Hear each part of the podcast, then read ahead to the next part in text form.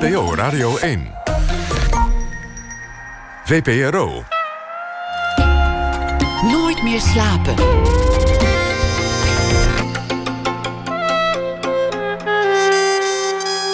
Met Pieter van der Wielen. Goedenacht en welkom bij Nooit meer slapen. Erik-Jan Harmens zal deze week elke nacht een verhaal voorlezen bij de dag die achter ons ligt. Aandacht zometeen voor de Belmer. Volgend jaar bestaat die wijk 50 jaar. Een wijk die uh, alle hoogtes en alle dalen heeft meegemaakt. Annemarieke Samson komt op bezoek. Zij is uh, schrijver. Haar tweede roman heet Klootzakjes over een mislukte liefde. Een verhaal over seks, liefde, mannen en ambitie. Maar we beginnen met Kees Dam, een van de beroemdste architecten van Nederland. Bouwde musea, theaters, woonhuizen, kantoren in binnen- en buitenland. Hij is geboren in 1932. Dit jaar werd hij 85. En nog altijd is hij aan het werk vol energie. Een tiental lezingen over architectuur en schoonheid is nu gebundeld in een boek over architectuur, kijken en dromen. Dat boek verschijnt deze week. Kees Dam en zijn partners maakten, zoals ik al zei, vele gebouwen. De Stopera in Amsterdam is wellicht de bekendste in Nederland. Bemind en verguisd, maar hij heeft uh, nog veel meer gemaakt. Kees Dam, hartelijk welkom. Alsjeblieft. Laten we tutoyeren, want uh, de, de nacht is informeel, vind ik altijd. Oh, wat aardig, ja. Vele gebouwen, de, Stopera zullen we het straks vast ook wel over hebben. Maar toen ik al die gebouwen vandaag bekeek in, in overzichtswerken, vond ik eigenlijk de mooiste het, het huis in Saint-Paul-de-Vence aan de Côte d'Azur in, uh, in Zuid-Frankrijk. Een paradijs is dat. Dat is het zeker, ja. Dat is een, uh, een huis wat ik uh, 30, 35 jaar geleden heb getekend. Het was bedoeld voor mijn echtgenote, voor Josephine. En het is op de helling van het museum Maagd. Wat een ontzettend mooi gebouw is en heel inspiratief. En het dorp is natuurlijk vlakbij. En het is een prachtig dorp. Het dorp uh, Saint-Paul-de-Vence is uit 1100. Kun je nagaan. En dat is eigenlijk, uh, als je over duurzaamheid spreekt... dan is de architectuur zeg maar, vanuit 1100 tot nu dus echte duurzaamheid. Dus het is fantastisch gewoon om daar te zijn. En wat heel interessant is natuurlijk dat uh, het licht heel anders is. we hebben in Nederland veel grijzer licht... En het is daar uh, veel helderder. En, uh, zodat ook uh, de contrasten veel duidelijker zijn. En dat is heel bijzonder. Want licht is ook een van de bouwstenen van de architect. Ja, zonder licht is er geen ruimte natuurlijk. En, dus ja, je hebt, je hebt natuurlijk in, in je vormgeving... heb je ontzettend op te letten hoe het licht is. En of het licht wel goed is. En of het genoeg is of juist niet. Het kan allebei. Het kan een contrast ook zijn natuurlijk. Dat het er niet is. Ja. Het, het, het huis heb je gebouwd voor, voor Josephine. Voor je, je vrouw, je liefde. Het is, het is eigenlijk een, een, een kunstenaar die iets opdraagt aan zijn muze. Ja, dat is het ook. En uh, ze wou ontzettend graag uh, toen weg uit Nederland. We hebben toen nogal een beroerde tijd gehad ten opzichte van het maken van het Stadhuis Muziektheater. En we kwamen er ook veel. Dus dat is ook de reden geweest eigenlijk dat we daar dus zeg maar, uh, een, een, een, plekje hebben gevonden om daar iets te bouwen. En uh, dat heeft ook op die manier goed gefunctioneerd. Het is ook een huis met, met heel veel plekken. Het is bijna een klein dorp, zou je zeggen. Dus het is niet. het zijn heel veel ruimtes maar die je door middel van kleine tussenruimtes eigenlijk kunt bereiken. En daardoor is de schaal van binnen heel interessant. En, en dan kun je ook heel goed zowel samen als alleen zijn. Wat heel belangrijk is natuurlijk. Het was bedoeld voor haar, voor, voor je vrouw. Zij is er niet meer, al, al twaalf jaar niet. Hoe is dat nu? Hoe is het om, om, om, om een huis te hebben gemaakt voor iemand die, die, nou, dat die is, niet dat meer is. Wel, dat is wel heel veilig, is het. Als ik er ben, dan uh, is ze er ook. En uh, ja, dat gaat automatisch eigenlijk. Kijk, je moet niet vergeten dat als je iemand verliest... waar je ontzettend veel van houdt... dan is het eerst uh, geweldig veel verdriet. En uh, daar moet je dan doorheen. Dat is heel ingewikkeld. Uh, want dan moet je je eigen roots en je eigen zelf weer vinden... zonder de ander. En als je dat eenmaal gevonden hebt... dan uh, kun je daar, moet je daarmee verder, zeg maar. En dan kan je daar een zeker soort vreugde uit, uit, uit halen... om verder te kunnen, zeg maar. Met, met, dan is ook het verdriet van, van gisteren... is troost voor morgen, als het ware. En dat helpt gewoon. Maar als je alles dan weer helemaal verderop op een rij hebt, zoals ik zeggen, na jaren en jaren, dan komt het op de een of andere manier het gemis weer op een andere manier weer terug. En ja, dat is een manier waar je dus waar ik erg veel aan heb nog steeds. Omdat het nog steeds in, mijn, in mijn doen en laten, in mijn, in mijn dromen en een geweldige rol speelt. Het gemis is er nog. Zij is er nog, zei je net. Als je in het huis bent, dan is ze er nog. Ja.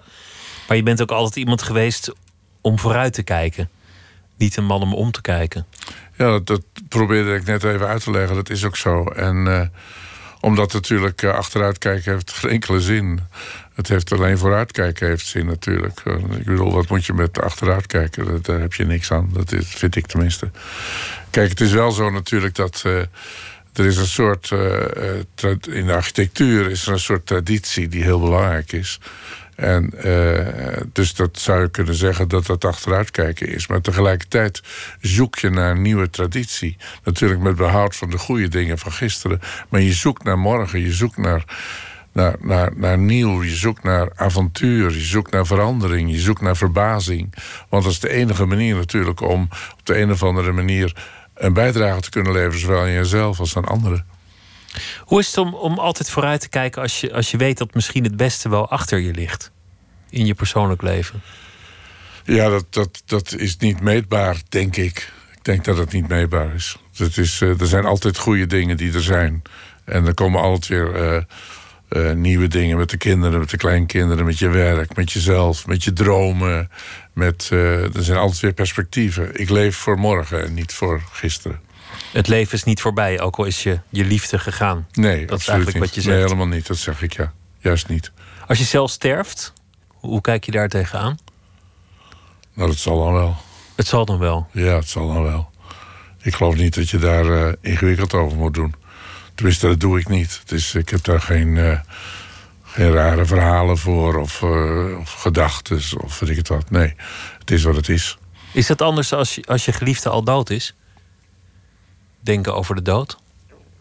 Dat weet ik. Dat zou kunnen. Het, zou, uh, het is wel zo natuurlijk dat, uh, uh, vind ik wel, dat door middel van muziek en de kunst en alles wat je beleeft, ook de dans en zo, dat er wel op die manier, als je dat overkomen is, maar het gaat ook voor de rest van de familie van mijn ouders, en dat er een soort, er is wel een soort extra gevoeligheid, denk ik.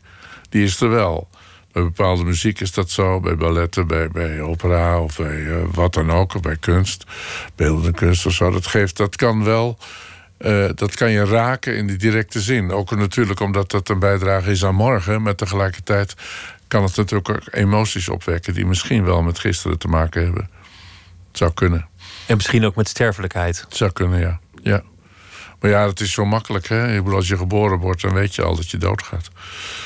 Maar dan realiseer je het je nog niet. Nee, nee, Dat is het geluk. Ja, ja er komt een punt dat, dat dat wel dichterbij komt. Ja, denk ja absoluut. Ja, dat is ook wel zo. Hoewel in jouw geval, omdat jou, jouw moeder heel jong stierf... En, en ook al heel vroeg in jouw leven... Je was drie maanden, geloof ik. Ja, ja, ja. Ze, ze stierf door een bloedvergiftiging door een vuile veiligheidsspeld. Ja, ja dat was uh, vroeger zo. Toen ging je vroeger kennelijk aan dood. En dan werd je ook uh, in een kamertje gelegd waar mensen lagen die doodgingen. Heb ik allemaal later gehoord hoor. Dus zo ging dat heel vroeger. Ja. Maar ik heb natuurlijk fantastische ouders gekregen. Mijn, mijn vader en moeder, dus waar ik toen naartoe ben gegaan, was dus in wezen een zusje van mijn eigen moeder. En dat, ik heb natuurlijk daar fantastische, fantastische ouders aan. Dat, dat, dat zijn eigenlijk mijn ouders natuurlijk. Je oom en tante werden je vader en je moeder. Ja, precies, ja. ja. En, je, en je vader werd een soort oom. Ja, een beetje wel. Dat, dat is, ja, het, het, bleef wel vader, maar het bleef wel op een hele grote afstand. Ja. Die is alweer opnieuw getrouwd en er waren opnieuw kinderen. En, dus dat was toch, uh, dat vervreemde toch wel. Ja. Daar heb ik niet echt een goede relatie. Nou, niet een goede, wel een relatie, maar niet. Uh, ik zag ze toch heel weinig. Ik zag die niet veel. Het is later ben ik met die broers en zussen wel met enkele. Dat was ook in de oorlog. Toen uh, zijn uh, van mijn eigen broers en zussen zijn dus door mijn uh, vader en moeder, noem ik dan even, zijn die ook komen logeren. En dat woonden toen op een buitenplaats en er was plek voor. En daar zijn ze erg goed voor geweest. Dus toen is er wel een zekere band ontstaan met mijn eigen broers en zussen. Er, er leeft nog één zus van mij, een echte zus dus. En daar heb ik een hele goede band mee. Want dat, dat was een groot katholiek gezin waar, waar je in geboren werd. Maar je kwam in een andere omgeving, wijk aan zee. En dat, dat was eigenlijk, ja, je wist niet beter. Dat waren gewoon je ouders. Ja, natuurlijk. Het waren mijn ouders. Dat zijn nog steeds je ouders als je erover praat. Ja, dat zijn mijn ouders. En uh, had, ik heb altijd in jachthuizen gewoond. We waren jachten. En, dus ik heb een waanzinnig mooi leven gehad toen ik jong was ook. En veel bos en zo. Ik ken alle vogelgeluiden en zo. En, en het was natuurlijk een werk aan zee aan duin. Dus dat was vlakbij het strand. Dus ik heb mijn jeugd heel veel aan de zee doorgebracht. Ik teken nog steeds vogels en zo, omdat het toch steeds te maken heeft, denk ik, met ooit wat ik toen beleefd heb. En het was natuurlijk, ja, ik was het enige kind ook in die hele familie ook, van mijn ouders. Dus ik was, ja, ik was het prinsje daar in die familie. Het was heerlijk gewoon. Tot we natuurlijk in de oorlog daar weg moesten. En toen kwam de oorlog en toen zaten we in het spergebied, zoals dat toen heette. En uh, toen moesten we daar vandaan. En toen ben ik naar Zandpoort verhuisd, weer naar een buitenplaats, Sparenberg. En daar was natuurlijk, daar heb ik de oorlog meegemaakt. Het was natuurlijk een heel ander verhaal, want ik, er waren onderduikers en er waren kinderen aan tafel die geen eten hadden en zo. Mijn ouders waren waanzinnig goed. Heel goed, ja. Een wonderlijk verhaal is, is dat zij een. Um, gedwongen werden zorg te geven aan een Duitse soldaat. Oh, die, verhaal, ja. die uiteindelijk een, een, een goed mens bleek en die, die ze heeft geholpen om die, om die onderduikers ja, ja. te verbergen. Dat was een officier en dat was geloof ik, een, ik weet het niet zeker meer.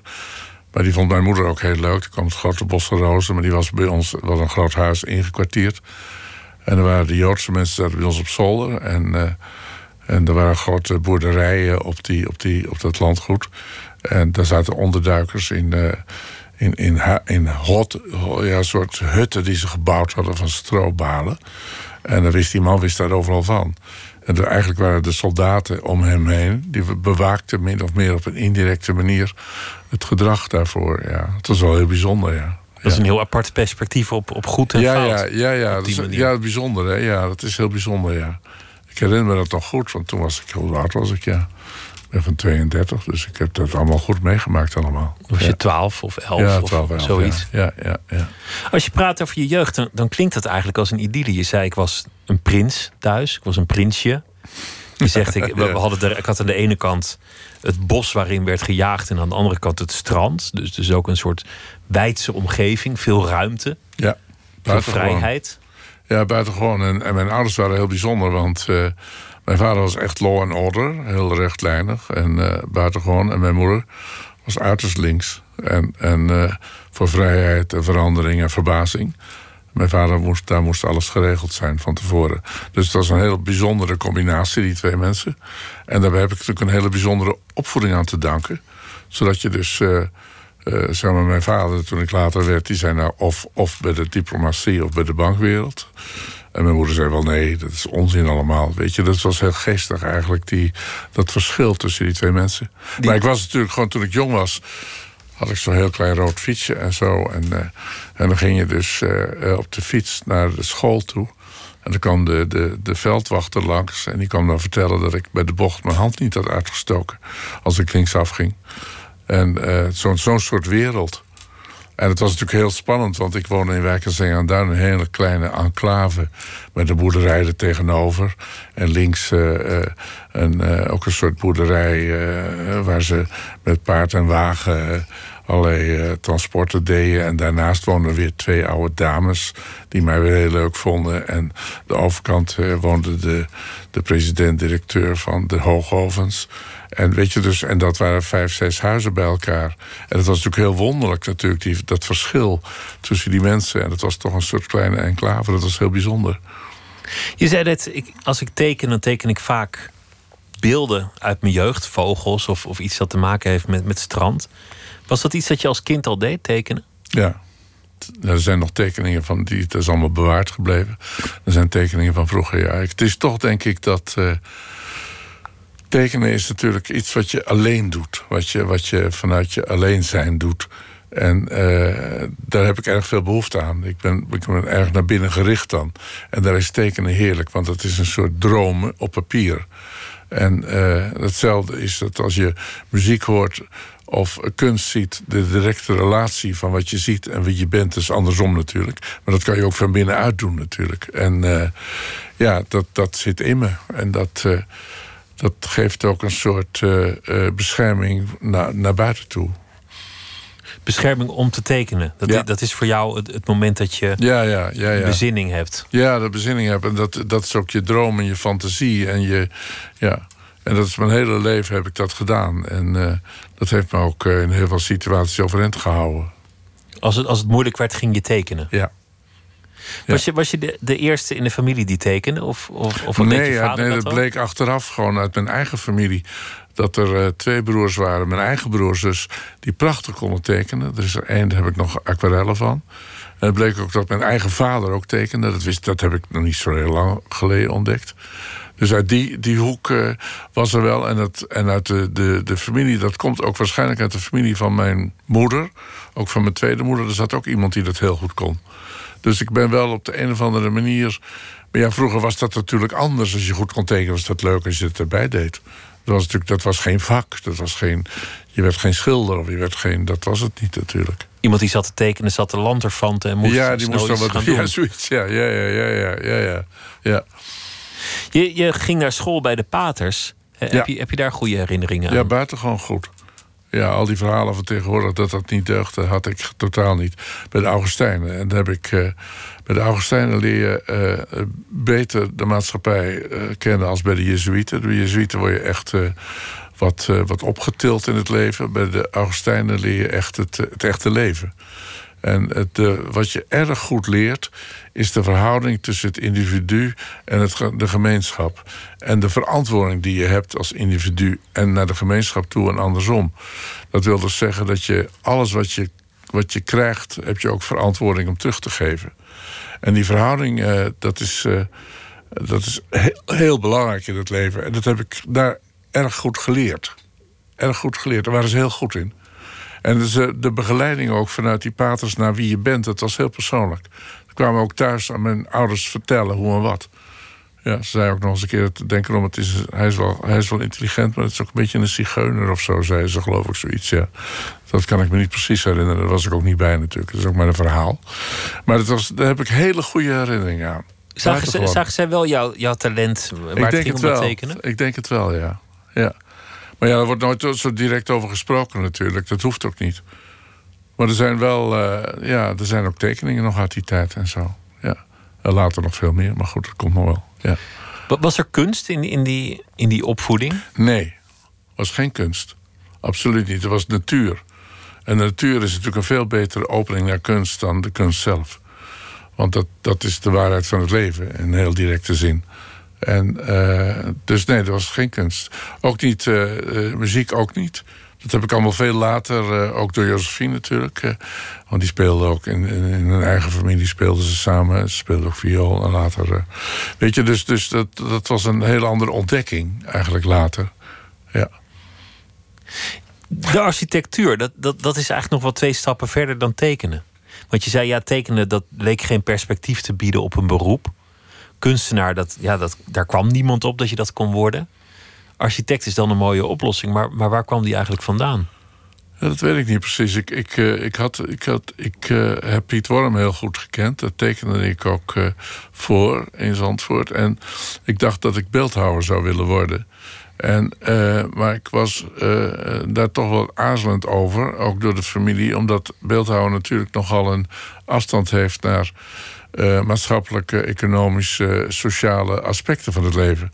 En daar was ik toch, dat vond ik toch wel interessanter om daarmee te maken te hebben. Dus toen is eigenlijk de architectuur gekomen. En daar heeft eh, Piet Worm, die was zelf ook architect en later die heeft heel getekend, al die boeken en zo, de paardjes, weet ik het allemaal wat. En die heeft dus ook eh, bij mijn ouders toen eigenlijk dat wel door, zeg maar, uitgelegd dat dat voor mij beter was om dat te doen. En eh, dus toen ben ik dus eerst naar de HBSB, heette dat vroeger. En dan ging je naar de MTS. Dan leer je dus gewoon eh, eh, het vak een beetje. Niet echt. Dan heb ik nog een jaar praktijk gedaan, getimmerd en zo. Ik ben echt een timmerman. En bij een aannemer werken, bij een architect werken. En zo, dan kom je heel langzaam maar zeker in het vak, ja. Dat is wel geestig, ja. Dus beginnen met hele kleine projecten. Een, een, een- dak of een etalage of zoiets. ja, een van de eerste dingen was een, was een, een, een ijswink, ijswinkel in Zandvoort. Een van de eerste dingen was een Italiaan, die dat, Italiaanse jongen die dat wou.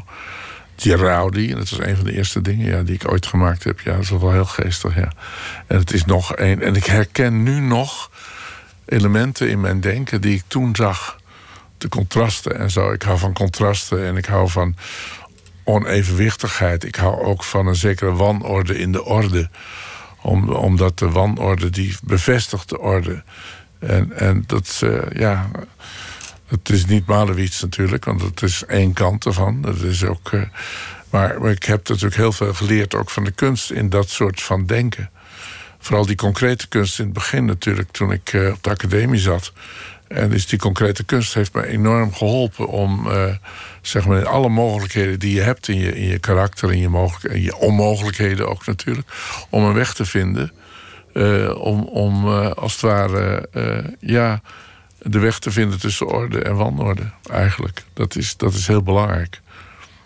Wat, wat in veel van je gebouwen opvalt, is dat, dat het vaak gaat over ruimte en licht. Het zijn vaak gebouwen waar, die een soort ruimtelijkheid hebben en waar, waar het licht heel erg een deel van het ontwerp is. En dat, dat zijn eigenlijk twee dingen uit je jeugd, als je Ja. aan het strand bent opgegroeid. Ja, dat is ook zo. En, maar je moet niet vergeten, dat zijn elementen natuurlijk... waardoor je ook eh, eh, voor anderen een soort vrijheid kan maken. Architectuur is ook natuurlijk de taak om, om vrijheid voor de ander te maken... en niet voor jezelf. En, en respect voor de ander te hebben.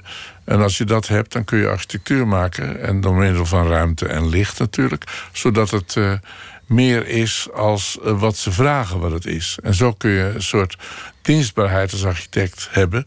zodat je meer maakt als eigenlijk gevraagd wordt. En dat is natuurlijk heel interessant, eh, vind ik. Want dat is mijn taak ook natuurlijk. Hè? En de taak is natuurlijk om... Het is toch in wezen natuurlijk een... een kunstenaar is een dienende taak in principe. Ja, toch, het is, het is natuurlijk iets... Je moet iets maken wat, eh, wat natuurlijk eh, eh, duidelijk is in zichzelf... maar ook duidelijk in zichzelf in de relatie naar buiten toe. Het moet mogelijkheden geven aan de ander. Dus een goed, ge- goed gebouw wordt, wordt gebruikt. Of het een goed gebouw is of niet, dat hangt af van degene die het gebruikt. Ja, precies. En het is ook zo dat als je een gebouw gemaakt hebt... het is het ook niet meer van jou. Is het van degene die het gebruikt. Dat is belangrijk. Als ik in de, in de opera kom, dan kom ik als bezoeker... en niet als ontwerper. Dat is heel belangrijk, is dat. Want anders word je ook hartstikke gek natuurlijk. Als je veel, veel dingen gemaakt hebt... dan weet je ook niet meer gewoon eh, waar je wezen moet natuurlijk. Dus die, die, dat, dit afscheid is heel belangrijk. En daarin zit hem ook het succes of niet succes van de opera, de, de mate waarin het gebruikt wordt. Zijn er voorstellingen? Genieten mensen van die voorstellingen? Ja, natuurlijk, daar gaat het over. Dat, dat de opera in Amsterdam, natuurlijk het muziektheater... is natuurlijk wat dat betreft een ontzettend groot succes. Omdat niet ook alleen vanuit, eh, vanuit ik zou maar zeggen... Vanuit, vanuit de architectuur, maar vanuit de dienstbaarheid... die de architectuur eh, eh, geeft aan de opera en aan het ballet. En alle andere, andere voorstellingen. Want daardoor functioneert een gebouw. Niet alleen of het... want ik hou niet van mooi en lelijk. Ik hou van de schoonheid van de dingen. Mooi en lelijk, dat zijn heel betrekkelijke begrippen. Want de een vindt het mooi en de ander vindt het lelijk. Maar de schoonheid, als je die kunt verwerven na een aantal... eh, dat gaat nooit meteen, maar als je dat vaak duurt dat wel even, dan wordt het interessant natuurlijk. En wat is schoonheid? Schoonheid is eh, een soort, vind ik, een soort evenwicht eh, tussen alle facetten van de maatschappij.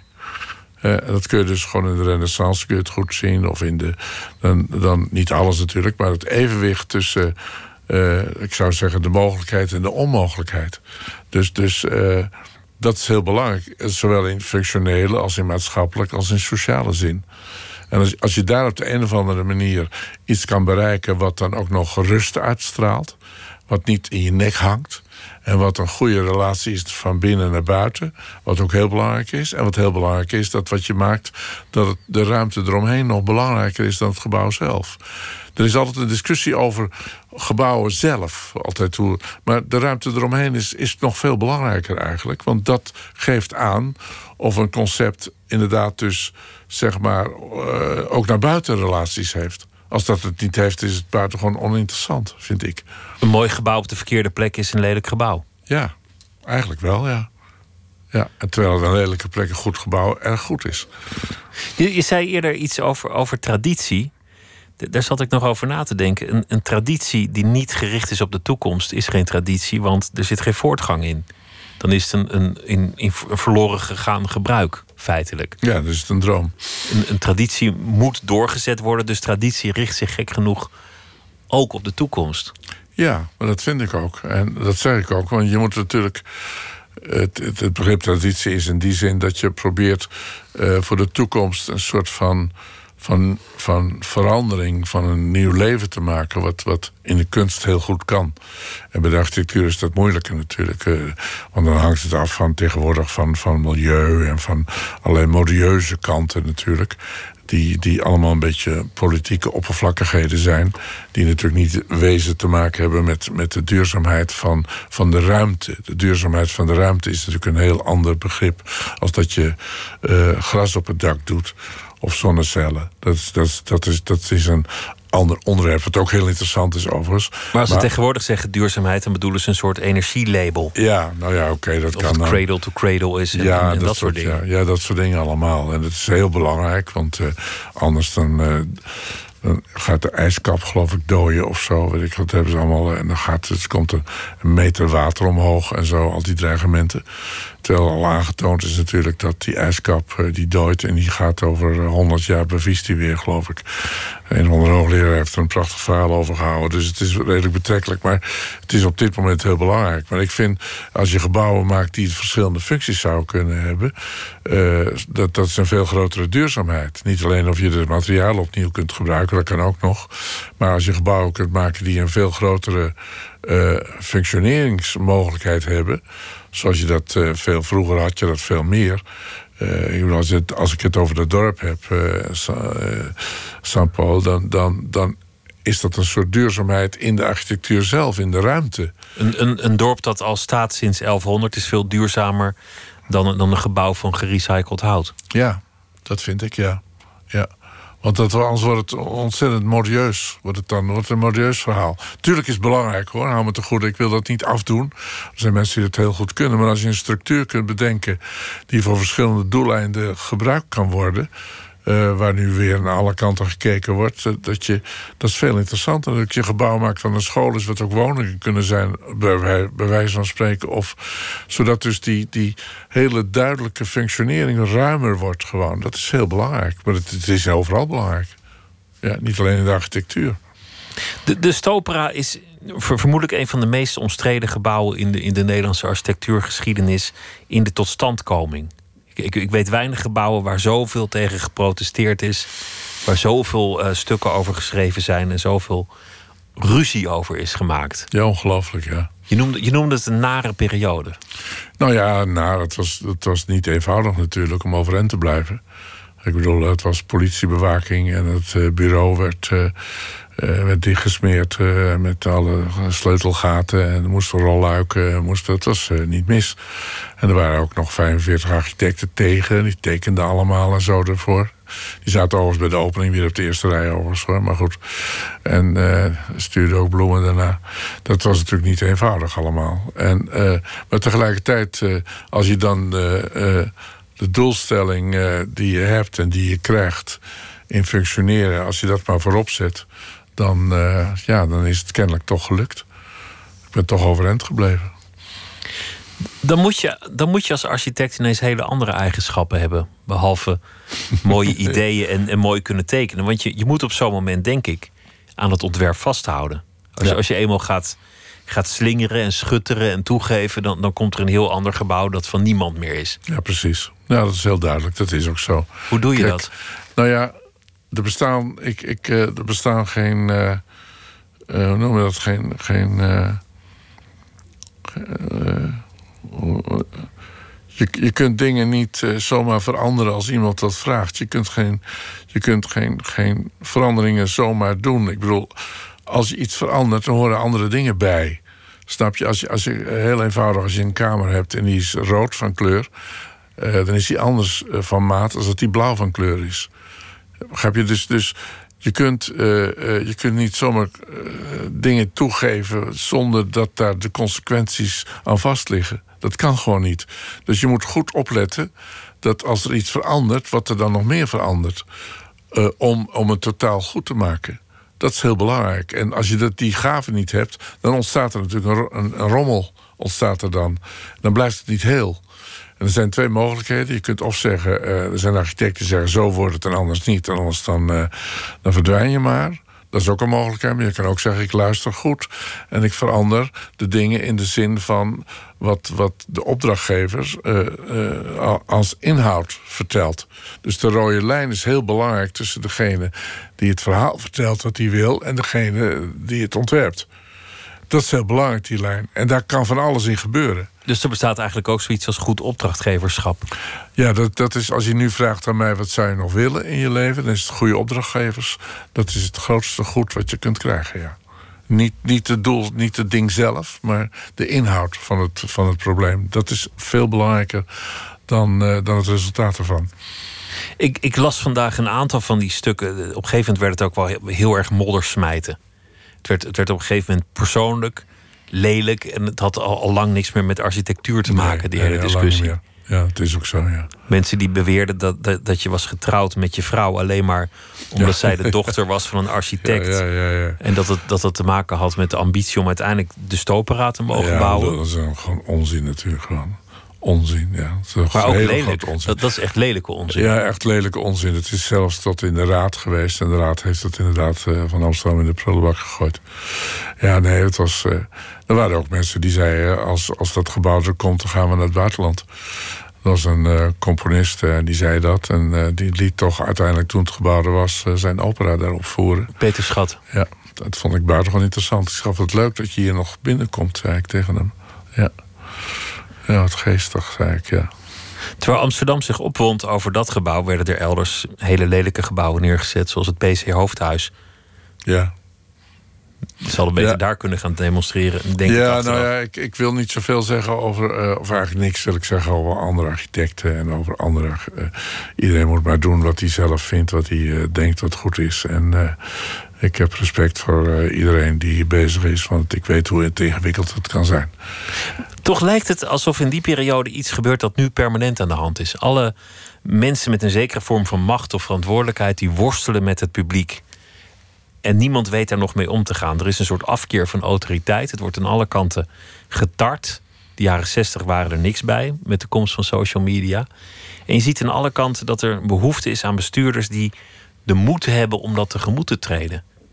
En dat is er bijna niet. Dat is er bijna niet. Maar dat komt ook omdat uh, toen ik jong was. Uh, uh, kon je uitgaan van de kwaliteit van de dingen, van het leven, alles. En als je dat goed deed, dan, dan kreeg je aanzien. En daar kon je dan ook wel jezelf mee onderhouden. En, en, en die wereld is enorm gedraaid. Het gaat nu erg over of je, of je aanzien hebt en of je macht hebt en of je met geld om kunt gaan. En kijken of je daar kwaliteit mee kan leveren. Die hele zaak is omgedraaid. Eerst de politiek en dan de kwaliteit. Ja, en, en dat, dat kun je zien. Dat kun je in Den Haag zien. Dat kun je overal zien. En, en als er wat voortkomt wat kwaliteit is, is het heel bijzonder. Want het is, uh, je ziet hoe moeilijk dat is. Uh, om dat te doen. Ik bedoel, uh, je kunt zeggen dat er is ontzettend veel geld, ook in Den Haag. En je ziet hoe ingewikkeld het is met een aantal zaken als ouderenzorg, noem maar wat op allemaal. En, en je kunt natuurlijk niet uh, uh, grote budgetten hebben en zeggen we gaan bezuinigen en dat je de bovenkant iets afhaalt. En dan moet je van binnenuit, net zoals in de architectuur of in de kunst, van binnenuit moet je het opbouwen en kijken wat het dan kost als het kwaliteit levert. Dat is iets anders als dat je het omdraait en zegt uh, we hebben een soort van kwaliteit en het moet zuinigen, we haalden een stuk af. Want dan weet je niet wat het resultaat daarvan is. Dus een hele verkeerde manier van denken hele verkeerde manier van handelen. En, en dan krijg je dus dat mensen zich ook afwenden van dat soort van denken, van dat soort van doen. En, en, dan denkt iedereen, nou ja, het zal allemaal wel. Want, want wie heeft de macht? Wie heeft, wie heeft de mogelijkheid? Dus eigenlijk moeten we terug niet alleen in de architectuur, maar op alle vlakken naar gesprekken over kwaliteit. En dan kwaliteit van leven, kwaliteit van een samenleving, kwaliteit van een stad. Ja, kwaliteit van een samenleving. Ja, want als je het opbouwt, als je de dingen opbouwt van beneden af, dan kom je altijd tot een resultaat. Waar, waar iedereen op de een of andere manier mee te maken heeft. Terwijl als je het van bovenaf doet, dan, dan weet je nooit wat je terugkrijgt. Dat weet je niet. Er zijn natuurlijk gewoon uh, tal, talloze voorbeelden in de wereld van als je het van boven doet, uh, wat er dan uitkomt. Of het nou in Afrika is, of ik het allemaal wat. Er zijn voorbeelden natuurlijk die, die heel veel zijn. En ik vind het buitengewoon interessant om, om als ik zeg uh, vanuit de architectuur denkend, dat je dus eerst analyseert wat het is. Dan kijkt wat de mogelijkheden zijn, sociaal, maatschappelijk. Dat je kijkt waar de zon staat, dan kijkt waar de wind vandaan komt.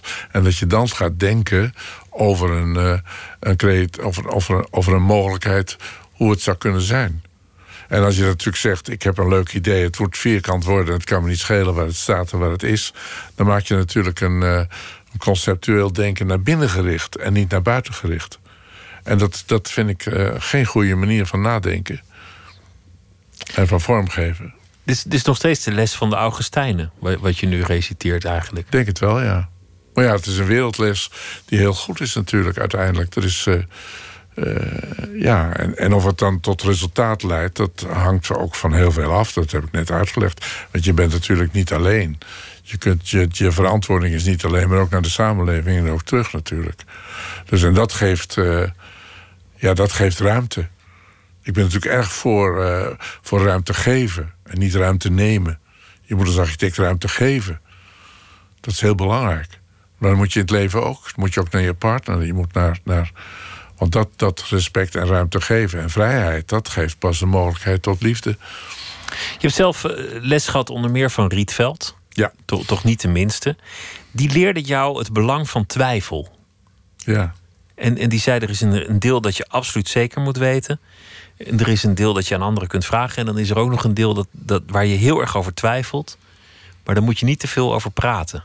Ja, dat klopt. Ja. Dat, dat, vond ik altijd heel interessant dat hij dat zei. Want kijk, je bent pas, uh, je bent pas iemand als je twijfelt aan jezelf en aan je dromen. En dan, anders is er geen perspectief als je niet twijfelt.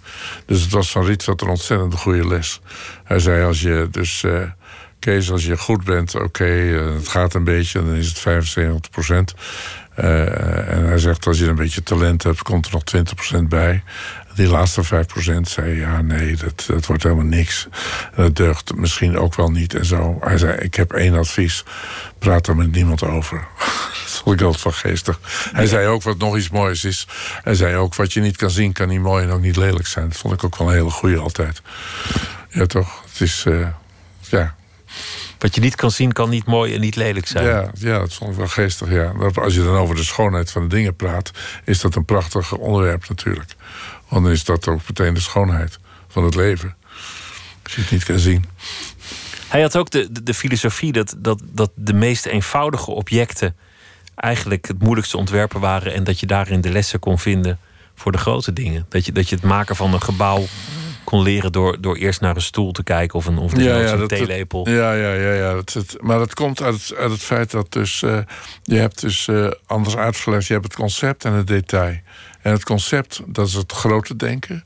En het detail is de rand van de tafel, is de stoel, is de lepel. Dus als je de stoel en de lepel en de rand van de tafel niet kent, uh, dan kan je nooit goed zijn in het concept. En, en, en het concept is het, de grote lijnen, het idee. En, en dat moet je dus vormgeven door middel van het detail. Zonder dat het elkaar stoort. Want je ziet ook heel veel dat de details het concept gaan verstoren. Zodat je niet meer ziet wat het concept is en wat het detail is. En dat mag dus ook niet.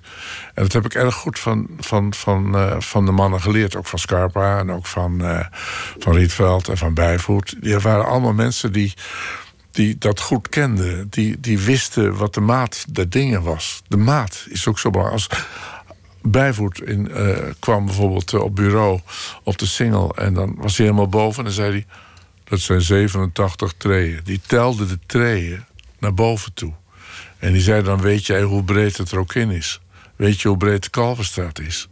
Als je dat niet weet, dan kan je ook niet omgaan met de maat en de schaal der dingen. Daar was Rietveld ook heel goed in.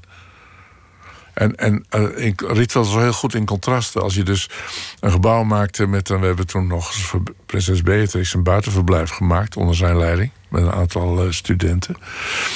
En als er dan een, een nis of een, een, een, loggia in een gebouw zit... dan mocht je daarnaast uh, geen de kozijnen niet een klein beetje terugleggen. Moest er plat in de gevel zitten. Want anders dan maakte je dus het contraststuk... tussen het kleine en het grote. Dat zijn hele belangrijke dingen die je bijna niet meer ziet in de architectuur. Maar het begint met een tekening. Ja. Dus, dus als je een, een lepel zou maken, een stoel of een vaas. Je maakt tegenwoordig zelf ook glas, eh, glaswerk. Ja. Heel, heel basaal is dat. Dan, dan laat je dat blazen, dan Ja. teken je dat. Bij jou begint het altijd met, met een pen op een pa- papier. Gewoon zo, zoals je het als jongetje zou hebben gedaan. Ja, altijd. Nog steeds, ja. Ja. Maar tegenwoordig doen de meeste architecten dat met een computer, met een prachtig programma. Ja, dat is geestig is dat. Hè. Dat kan ik dus helemaal niet. En ik vind het prachtig als iemand het kan. Maar ik kan me nog goed herinneren dat ik eh, was een keer toezichthouder bij het afstuderen. Ik geloof de academie als hoogleraar. En toen was alles eh, recht. Er zat nergens eh, zat, zat, een bocht in, in al die plannen. Dat was allemaal, weet ik het, dat vond ik nog raar. Dus ik, toen kwam ik erachter dat ze allemaal op de computer zaten. En dan konden ze nog geen cirkels maken op de computer. Dus toen maakten ze dat niet. Dus toen was alles nog. eh, het evenwicht tussen rond en recht was er toen helemaal niet. Kon, die computer kon dat niet. Er moest ontzettend veel. Al erg veel plezier over. Terwijl Dat kan- tegenwoordig kunnen ze hele extreme vormen ja, op computer. ja, dat kan je wel zien. Er zijn architecten die weten van ons niet meer hoe, hoe rond het allemaal moet worden. Want dat kan nu allemaal prachtig met die machines. Ja, dat Kun je helemaal laten mooi. doorrekenen. Ja. dat kan allemaal. Dus eh, nu kan alles plotseling. Ja. Ja. Maar het, het, het heeft de architectuur wel veranderd. Want het is een heel ander proces of je tekent met een pen. Want je zei zelf, het is ook een, een persoonlijke uiting. Als ik in nood kom, ga ik tekenen. Het is ook een voor mij veilige omgeving, dat tekenen. Of dat je achter een computer zit. Dat, dat levert natuurlijk een heel ander Nou, kijk, op. ja, dat, wat, wat de computer, het nadeel van een computer is dat het begrensd is. Als je tekent op een stuk papier, zijn er geen grenzen. Dat, die zijn er niet. Ja, de rand van het papier, maar dat, ik, ik zou maar zeggen, dat is er niet. Maar dat scherm, dat is een- tegelijkertijd een beperking. Als de architecten op bureau aan dat scherm zitten te tekenen, te doen... dan moeten er grote tekeningen bij liggen. Anders weten ze niet waar ze zitten op dat scherm in die tekening. Want je kunt inzoomen en inzoomen op ja, dat dan detail. zoom je in, zoom je in... en dan weten ze op plaats niet meer, dan zitten ze op een trap te tekenen... weten ze op plaats niet meer waar die trap zit in het gebouw. En waarom die trap daar zit en de relaties van die trap in de omgeving... dat zie je niet meer op het scherm. En dat kun je in de architectuur ook zien... dat, dat eh, die ronde architectuur, dat, dat zit op een scherm. Dat zie ik. Dat heeft dus de relatie met, met, eh, met eh, de omgeving is er dan niet meer. Dat lijkt wel zo, maar het is allemaal, die ronde vormen zijn allemaal naar binnen gericht. Die zijn, dat lijkt wel naar buiten gericht, maar dat is het helemaal niet zo. Dat is helemaal naar binnen gericht. Er zijn, er zijn ook musea gebouwd eh, door beroemde architecten. En die zijn zo rond van binnen, kan je geen schilderij ophangen. Het zijn wereldberoemde gebouwen. Ja, dat is heel geestig. Daar is ja. niet heel goed over nagedacht. Nou ja, wel. Ik bedoel, ja, ik, ik ben natuurlijk een functionalist wat dat betreft. Het moet functioneren. In welke zin ook. Ja, het kan ook. Als iets niet functioneert, heeft het ook een functie. Maar dan moet het wel interessant zijn ten opzichte van het deel wat wel functioneert. Anders werkt het niet. Een architectenbureau ziet er ook heel anders uit. Vroeger, vroeger had je het beeld van mannen die om een tafel gebogen stonden, Ja. collectief. Ja. En mannen die in hun eentje zaten Die te beroemde tekenen. foto's met. eh ja, zijn beroemde foto's van Frank Lloyd Wright en zo en die mannen eromheen. Mooie pakken aan, mooie brillen ja, ja, op. ja, ja, ja, ja. Het bureau in Amsterdam. Ik heb een bureau van eh Meijer in, eh, in New York. Daar hebben ze allemaal eh, witte overhemden aan met mouwen opgestrapt en een, en een das. Allemaal. En het ziet er, eh, ja, het is heel geestig gewoon. Is dat, ja, dat is een soort cultuur die totaal anders is dan in Nederland. Maar tegenwoordig dat zit ze allemaal achter, achter de computer. maar om, ja, maar om de tafel gebogen hebben wij op bureau ook hoor. Het is, er liggen tekeningen op tafel en dan zit je omheen met elkaar om te bespreken wat het is. Ja, dat, je kan niet om, met elkaar om een scherm zitten. Dat kan niet. Het, mooie vind ik die twee kanten aan dat beroep. Aan de ene kant het hele individuele, als een kunstenaar, die, die expressie van je eigen gevoelens, je eigen twijfels, je eigen kennis, je ambacht. En aan de andere kant dat, dat er zoveel mensen bij betrokken raken uiteindelijk. Je, je partners in het architectenbureau, de opdrachtgever, de, de, de burgers die inspraak willen, de aannemers. De constructeur en De constructeur, en, nou ja, de- adviseurs, alles en zo. Ja, nou, dat is een heel... eh, om die hele zaak op rit te houden, dat is inderdaad wel heel, een heel gedoe. Want Dan iedereen ben je moet- ineens een soort generaal geworden. Ja, want je moet natuurlijk eh, alles, alles moet meedoen aan het conceptuele denken. En, en daar zijn wel. Je kunt tegen een constructeur zeggen: God, we willen dat construeren, maar eh, kan het zus of kan het zo? Moeten er drie kolommen onder? Kun je ook dubbele kolommen maken of zo? Dus je, je hebt ook de know-how van anderen nodig om zeg maar tot een beter resultaat te komen, zeker technisch gezien. En dat is natuurlijk wel interessant in de architectuur, want zeker als het eh, eh, geïntegreerd is in het idee, want dat moet natuurlijk, hè, Want anders krijg je natuurlijk een, een, alleen een buitenkant van een gebouw... waarvan het, de binnenkant niet meer belangrijk is. Omdat dat andere mensen doen, bij wijze van spreken. En, en dat is natuurlijk heel gevaarlijk, want de integratie van, van alle technieken, moet ik zeggen, techneuten wou ik zeggen, uh, dat is heel belangrijk natuurlijk. Dat, doet, dat helpt mee aan het eindresultaat. En bij goede architectuur zie je dat. Hè? Je ziet het bij Frank Lloyd Wright, je ziet het bij, uh, bij uh, Corbusier, je ziet het bij Rietveld, je ziet het bij dat, dat, dat, ja, dat zijn allemaal voorbeelden. Uh, waarbij niet alleen de buitenkant, maar ook de binnenkant nog belangrijker is dan de buitenkant. En de relatie heel belangrijk is. Daar, daar noem je wel iets interessants. Dat, dat de heel veel gebouwen die imponeren aan de buitenkant. Je ziet ze al van verre. Je denkt, oh, nou, dat is een mooi gebouw. Dat zal wel een heel belangrijk bedrijf zijn. En dan kom, je binnen, kom je binnen, is het eigenlijk gewoon een beetje saai. Gebeurt er eigenlijk niks. En dan gebeurt er niks. Er ligt alleen marmer in de hal. En de, de lift van binnen. En de verder is het niks, ja. Dat klopt. Ja, dat is uh, hele oppervlakkige uh, uh, ja, projectontwikkelaarsarchitectuur. bedoeld om te imponeren, architectuur Ja, bedoeld om te imponeren, ja. En dan, en dan, krijg je dus ook een, ja, dan krijg je een, een, een, naar binnen gericht ding, zeg maar. Dan wordt het een object. En ik, ik hou niet van zomaar een object, want dat...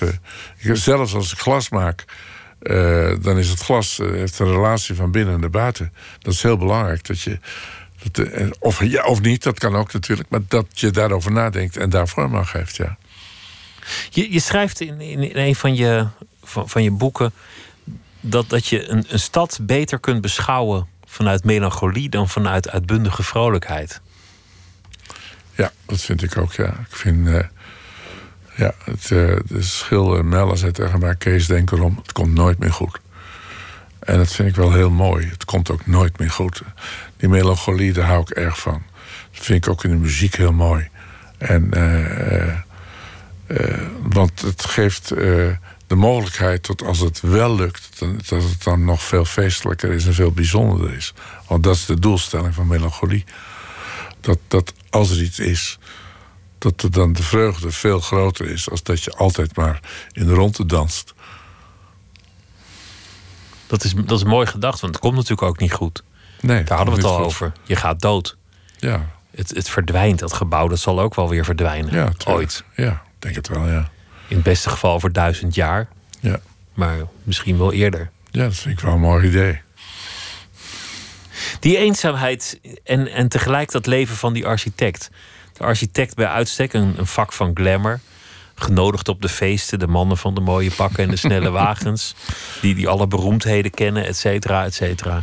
Dat, dat is het beeld van de architect. En tegelijk, uh, ja, die jongen die er nog steeds is, die verlangt naar zijn jeugd toen hij de prins was, die zich wil afzonderen en tekenen.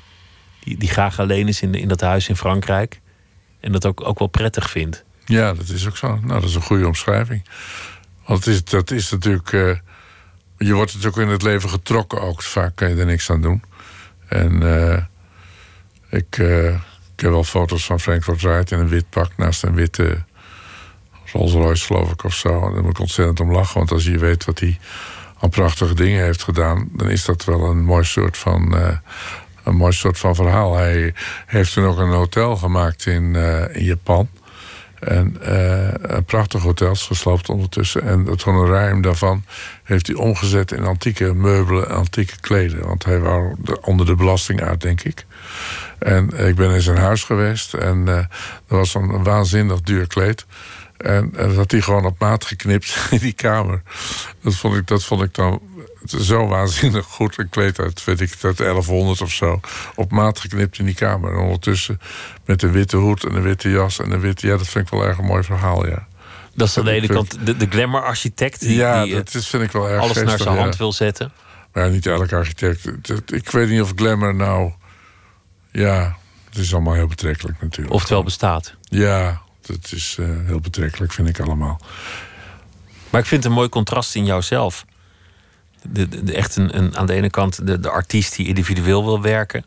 Die, die gewoon voor zichzelf dat ook doet. Die, die dat ook zou tekenen als het nooit gebouwd zou worden. Ja, dat is ook zo. En tegelijk die wereld tegemoet moeten treden, omdat het bij je werk ook hoort. Ja, dat hoort bij je werk natuurlijk. Je kunt je, ja, je kunt je niet afzonderen natuurlijk, het gaat vanzelf. Dat, maar het overkomt je ook hoor. Het is, uh, het is niet zo dat uh, alles wat ik bedacht heb, of wat ik, wat ik meegemaakt heb, heb ik nooit gepland hoor. Er zijn mensen die maken dus carrièreplanningen, dat ken je allemaal wel, van de ene baan in de andere en dan weet ik het wat. Het is mij allemaal maar gebeurd. Ik bedoel, toen ik uh, architect wou worden, zei mijn vader: ga nou in dienst.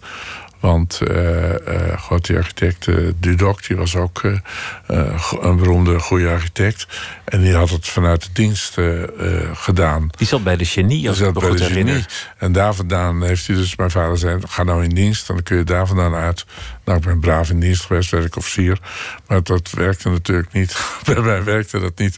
Dus dat was wel geestig gewoon, weet je. Dus dat is een heel ander soort van van hoe het gaat in het leven en hoe je ergens. Ik bedoel, ik heb niet gestudeerd in Delft en ik werd wel hoogleraar daar.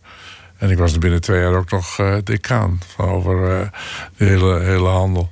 Weet je, dus, dus dat is eigenlijk, uh, ja, dat bedenk je toch allemaal niet. Dat kan je toch niet bedenken van tevoren. Dat gebeurt gewoon. En waarom werk je nog steeds? Waarom ga je door? Uh, omdat ik niet anders weet wat ik anders zou moeten doen, laat ik het zo maar zeggen. Dit is je leven. Dit, dit is ja, het. is mijn leven. Het is toch mijn liefde. En mijn, uh, maar ook, uh, het, het, is ook mijn. nou, vlucht niet, maar. maar mijn verblijf naar mezelf toe. Als ik dat, dat, want dat laat je ook leven natuurlijk. Gewoon dat je met jezelf bezig bent. En daar is dat vak natuurlijk uitstekend voor. Dus ik heb nu service bedacht en. en en weer meubelen bedacht. En, weet je, en dat is een soort proces wat heerlijk is om allemaal te doen. Waarom zou ik nou, uh, hoe noemen ze dat, achter de geraniums gaan zitten of de tuinharken of zo? Dat is toch, uh, dat is toch uh, zonde van de tijd. Ja, dan vind je het ook waarschijnlijk gewoon leuk.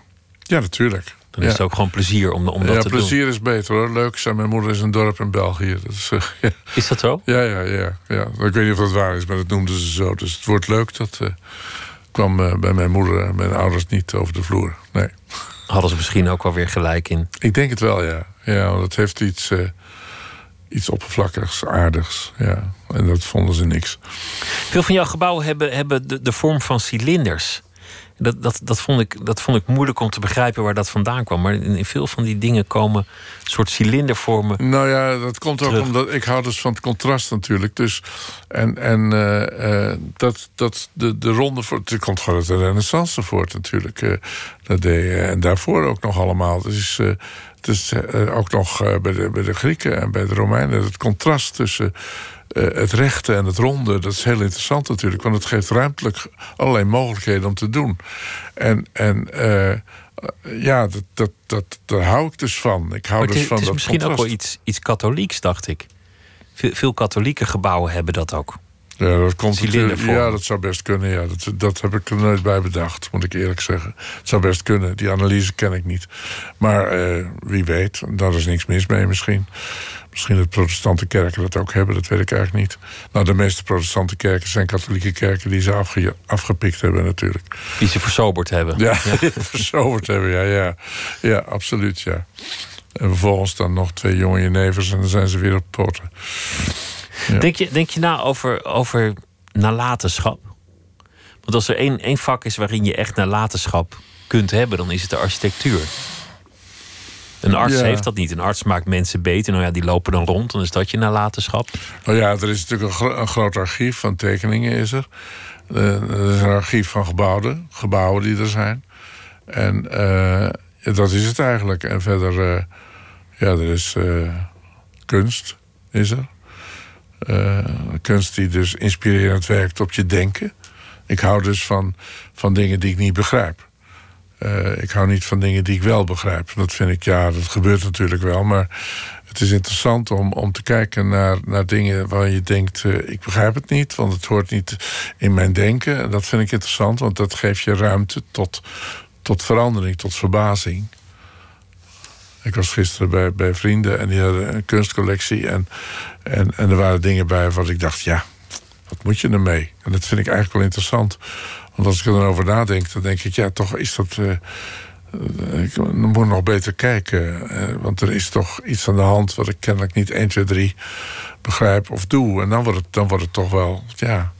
Dan, als het niet anekdotisch is, dan, dat kan ook nog natuurlijk. Dan, dan geeft het ruimte.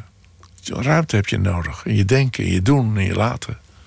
Dat, daarom ben je ook niet echt bezig met nalatenschap. Je kijkt naar voren. Ja. Omdat je die vrijheid zoekt. En die, Ja, die ligt daar aan de voorkant. Ja, ja precies. Ja. Die ruimte, dat licht. ja, dat is precies. Wa- Wanneer voel je die vrijheid het meest? Wa- Wat is het moment dat- je dat zelf ervaart? Is dat een leeg vel? Of is dat een vel waar, waar je net op getekend hebt? Ja, ik, ik denk een, een leeg vel geeft me meer ruimte dan een- iets waar ik op getekend heb. Want dan is er iets. En als er niks is, is het natuurlijk. eh, dan is de ruimte eh, in je denken groter. Op het moment dat je dus iets tekent, eh, dan kom je dus eh, in een soort proces terecht met jezelf. En dat is ook interessant natuurlijk. Maar Want, want dat- één lijn vraagt al om een oplossing Ja. eigenlijk. ja, natuurlijk. Als je een vel door midden scheurt en je scheurt een lijn en je zet er één lijn boven, heb je, ben je er al. Dan heb je dan een contrast tussen een gescheurd papier en een rechte lijn. Dus dan, dan heb je al een soort contrast wat, wat, al, wat al heel bijzonder kan zijn. Het kan heel simpel, het kan heel eenvoudig. Want het is niet zo dat de complexiteit, dat die interessant. Bach, de muziek van Bach is natuurlijk heel, heel eh, methodiek is het. Dat is het gewoon. En, en in, die, in, de, in de methode van doen geeft het juist de mogelijkheid om andere dingen te doen zodat het interessant is. Het raamwerk geeft de vrijheid. Ja, precies. Dat vind ik ook natuurlijk van Philip Glass. En, eh, eh, dat is een hele goede vriend. En het, het is zo ontzettend goed hoe je, hoe je eh, de maatvastheid kunt gebruiken om het contrast te maken. Dat is heel bijzonder. De beperking geeft ook vrijheid. Maar ik vind, ik vind het beeld zo mooi, een leeg vel. Je zet een streep, die streep vraagt om een andere streep. En dat vraagt dan weer om een, een bepaalde invulling. Dat wordt uiteindelijk een gebouw. Dat gebouw dat gaat door, door langs de opdrachtgever, de gemeenteraad. En eh, nou ja, dat is een eindeloze eh, weg. En dan de aannemer die zegt: Ja, maar ik kan die steentjes niet vinden. Zegt ja, maar ik moet echt die steentjes hebben. Nee, maar ja, weet je wat die steentjes kosten, et cetera. En dan is er die dag dat, dat dan eh, nou ja, Willem-Alexander komt om het lintje door te knippen. Of iemand anders. Hij is al geweest, ja. En dan is het af. Glaasje champagne. Er zitten zelfs de mensen die geprotesteerd hebben gewoon champagne te drinken. Vind ik ook een leuk beeld. Ja, leuk is dat, hè? Ja, dat is een goed beeld, ja. Maar eigenlijk vind je dan nog steeds dat lege vel leuker. Ja, Dus dan is eigenlijk al dat gedoe daar en dan eh, is er niet ja echt die dat is ook voldoening. gevolg van, van, van wat er moet gebeuren om het te krijgen. Dat is natuurlijk, eh, ja, ik kan me voorstellen als je, als je kookt en je ziet alles liggen waar je, waar je het van moet maken, dat je het heel mooi vindt, eh, die onderdelen van waar je mee kookt. En tegelijkertijd, als het allemaal in de pan zit, het zit door elkaar, dan eh, is het eindresultaat natuurlijk toch iets anders dan dat je begonnen bent. En dat is, dat is met tekenen precies hetzelfde natuurlijk. Om die droom waar te maken naar de realiteit toe, dat is een proces wat enorm ingewikkeld is. Kees Dam, dank je wel. Veel succes met alles wat eh, gaat komen. Het was eh, prettig om je hier te gast te mogen hebben. Alsjeblieft. Dank, je zeer. Zometeen eh, gaan we verder. Twitter, VPRO NMS.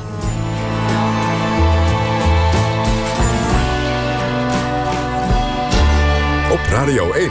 Het nieuws van alle kanten.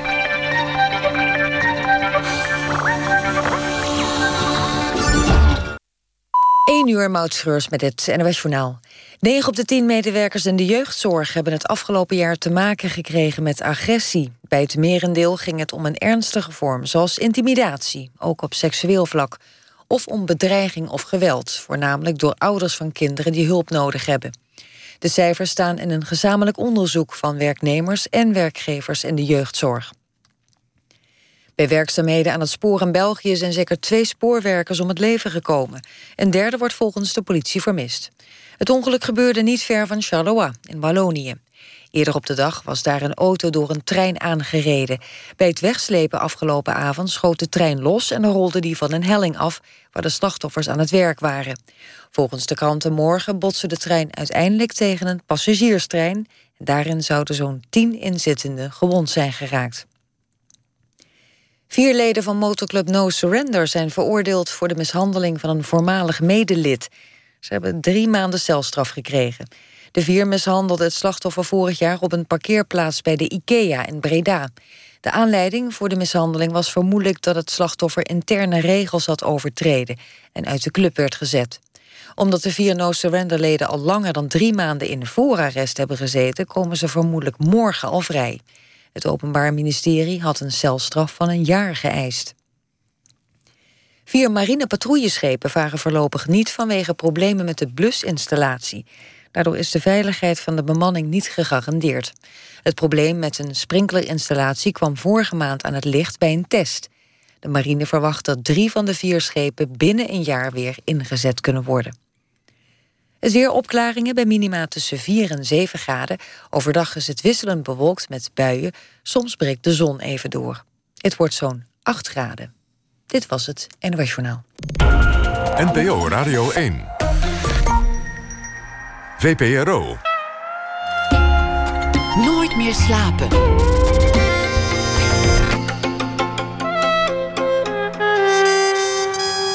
Met Pieter van der Wielen. Komend jaar bestaat de Belmer 50 jaar de woonwijk. Zometeen een reportage over 50 jaar de Belmer. Annemarieke Samson komt op bezoek. Ze is schrijfster. Ze heeft een nieuwe roman, Klootzakjes. En dat gaat over uh, feminisme, over liefde, over seks en over ambitie. Erik Jan Harmens schrijft deze week elke nacht een verhaal bij het nieuws van de afgelopen dag. En hij zal zometeen voordragen.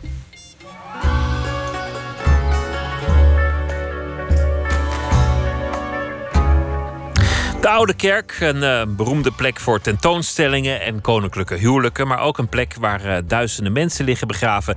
In en om de kerk liggen zo'n 20.000 mensen begraven.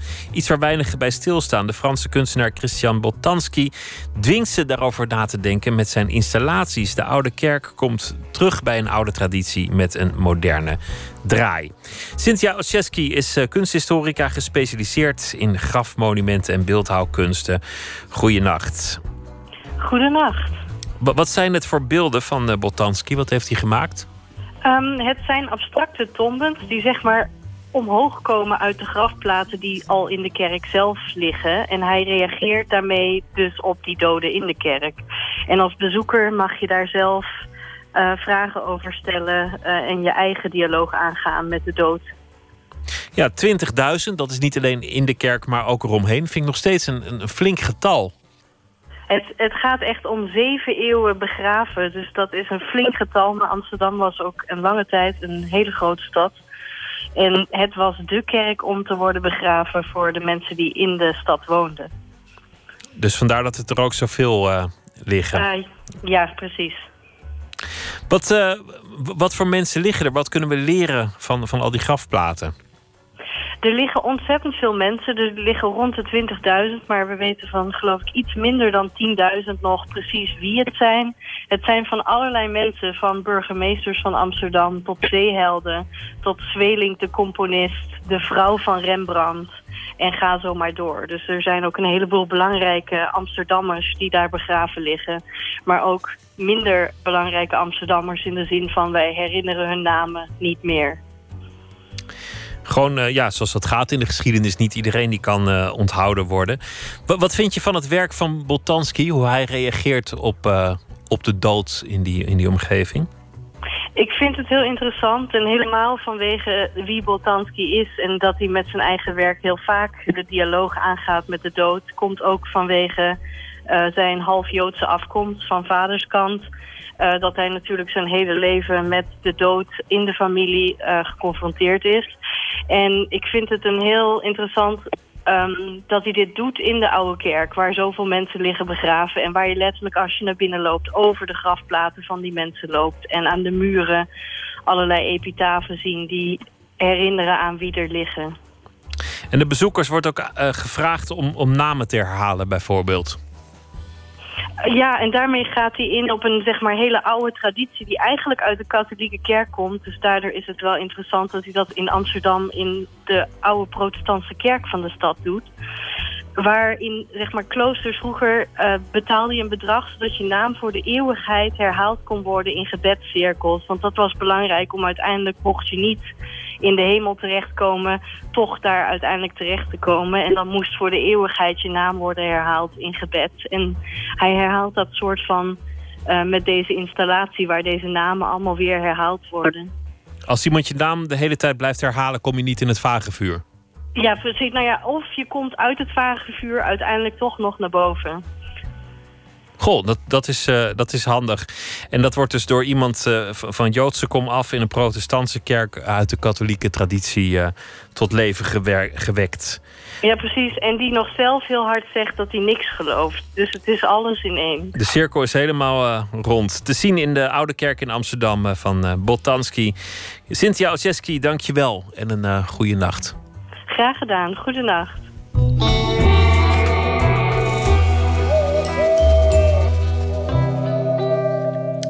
Hier is uh, Patrick Watson met het nummer Broken.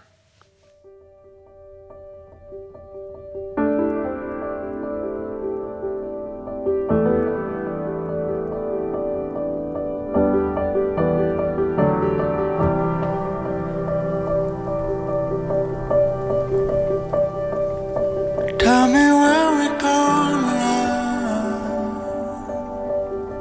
Oh, it's better than wandering in our heads.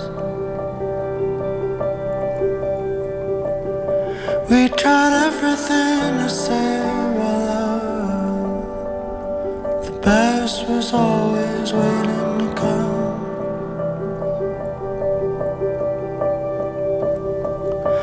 Did we for 51 reasons not to lose our sleep?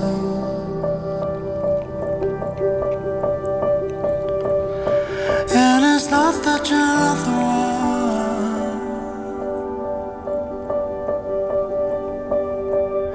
And it's not that you're not the one. We all need a little peace. Do you feel a little broken? Do you feel a little broken? Do you feel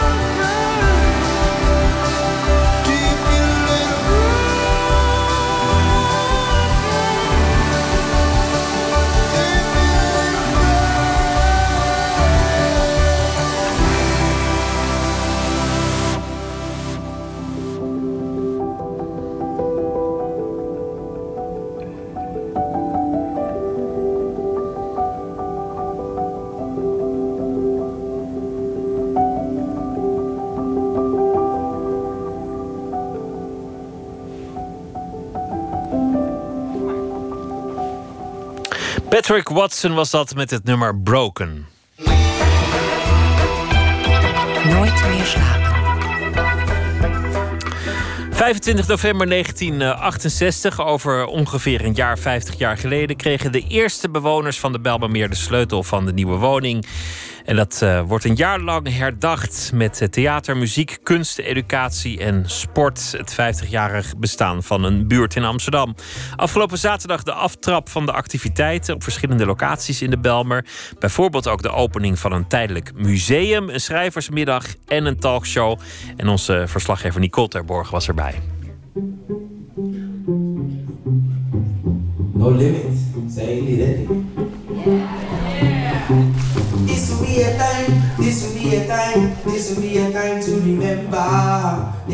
De Belmer is voor mij uh, thuiskomen. Nou, als ik in de Belmer kom, word ik altijd helemaal happy. Vooral om, vanwege de welwillendheid. En ze zijn bereid, als je bijvoorbeeld de weg niet weet, om eindeloos met je mee te lopen. Ondertussen heb je ook nog een ontzettend leuk gesprek. De hele wereld komt samen in Zuidoost. En dat, is, dat heeft met alle gevolgen van dien. Zowel positief als negatief. Hè, woon je in de Belmer? Dat is toch het afvoerputje van Nederland? Rapper Gideon Everduin. Activist Mercedes Zandwijken. Muzikus Orville Breeveld en journalist Noralie Beijer. Allemaal wonen ze of hebben ze in de Belmer gewoond of gewerkt. Ze zijn bij een talkshow over 50 jaar Belmer een van de activiteiten waarmee het jubileumjaar afgelopen zaterdag van start is gegaan. Hier adem ik en mijn vrienden ook, hier werk ik aan een mooi Zuidoost, hier heb ik altijd in geloof, hier ben ik het beste beloofd. Terwijl Orville zijn ode aan de buurt zingt, is iets verderop in een ander gebouw de opening van het tijdelijk museum Oskam, het Open Space Contemporary Art Museum. Een initiatief van modeplatform MAF-B. Een paar dagen daarvoor ben ik bij de opbouw van de nieuwe tentoonstelling. Dit is Anel. Um, hij heeft foto's uh, gebracht. Kan jij misschien um, checken of dat allemaal bevestigd kan worden of niet? Want er zitten haakjes op. Maar... Oh, zitten er haakjes op? Ja, achterin. Voorbijgangers kijken naar binnen, auto's rijden langs. De expositieruimte die uitkijkt op de Belmer Dreef... voelt open en dicht op de straat door de glazen muren. Giorgio Toppin en Nuke Forster, beide modeontwerpers... beide opgegroeid in de Belmer, zijn druk met de opbouw van Oskam. Het is uh, 650 vierkante meter aan ruimte wat we hebben. Het is een uh, open plan. Ja, we hebben verschillende werken van uh, zo'n 23 kunstenaars die hun werk hier uh, gaan exposeren. Ja, die uh, kunstenaars bestaan uit modeontwerpers, fotografen en beeldend kunstenaars. Ook hun werk is te zien in het tijdelijk museum. Daarnaast zijn ze betrokken bij de organisatie. Giorgio is verantwoordelijk voor de vormgeving van de tentoonstelling en Noeke is productieleider. Hoe bedoel je, het past net niet? Moet je toch twee centimeter van beide kanten eraf halen? Nee, maar dat hoeft niet. We gaan het niet uh, inkorten. Nee, nee, nee. Is niet nodig. Maar dan is het gewoon gelijk aan de breedte van dit. Er hangt ook werk van jullie hier. Kan je daar wat over vertellen? Wat, wat is hier te zien van jou tijdens de expositie? Ik laat uh, twee outfits zien. Die uh, van mijn huidige collectie, uh, Reaching New Heights. En het is geïnspireerd op Amsterdam Zuidoost en op de architectuur van Amsterdam Zuidoost. Uh, van mijn werk ga je de merchandise collectie zien van dit jaar. Um, ik heb dus een herenplatform en daarvoor maak ik dus uh, verschillende editorials. Um, waaronder dus um, het werk wat hier komt te hangen. We gaan vandaag alles afronden en dan hopelijk morgen en overmorgen dan alles even ophangen. Ja. En als je erbij wil zijn, kan het absoluut. Nou ja, dat is het ding. Ik weet niet of ik kan. Als ik kan, ben ik erbij. Maar ik ben eigenlijk ergens anders. Oké, okay, dit is de persoon.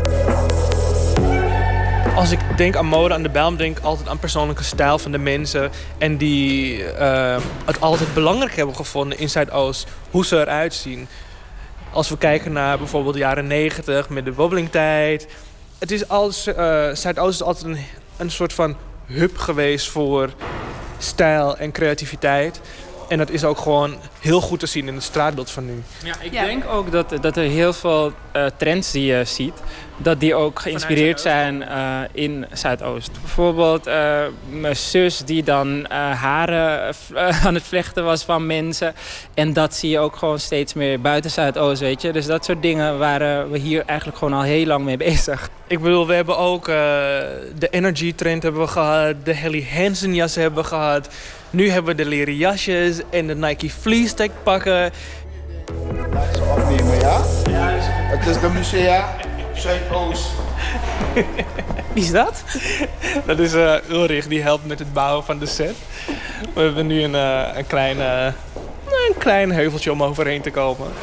Dus we zijn nu even een oplossing aan het zoeken om dat op te lossen. Zeg maar, we hebben genoeg volgens mij. Dat we twee balken hier tegen aanschroeven. En dan het tegen het wandje aanplaatsen. De cultuur in de Bijlmer zijn gewoon eigenlijk hosselende autodidacten. Weet je, je wilt gewoon iets doen. Je pakt gewoon, weet je, het paard bij de teugels.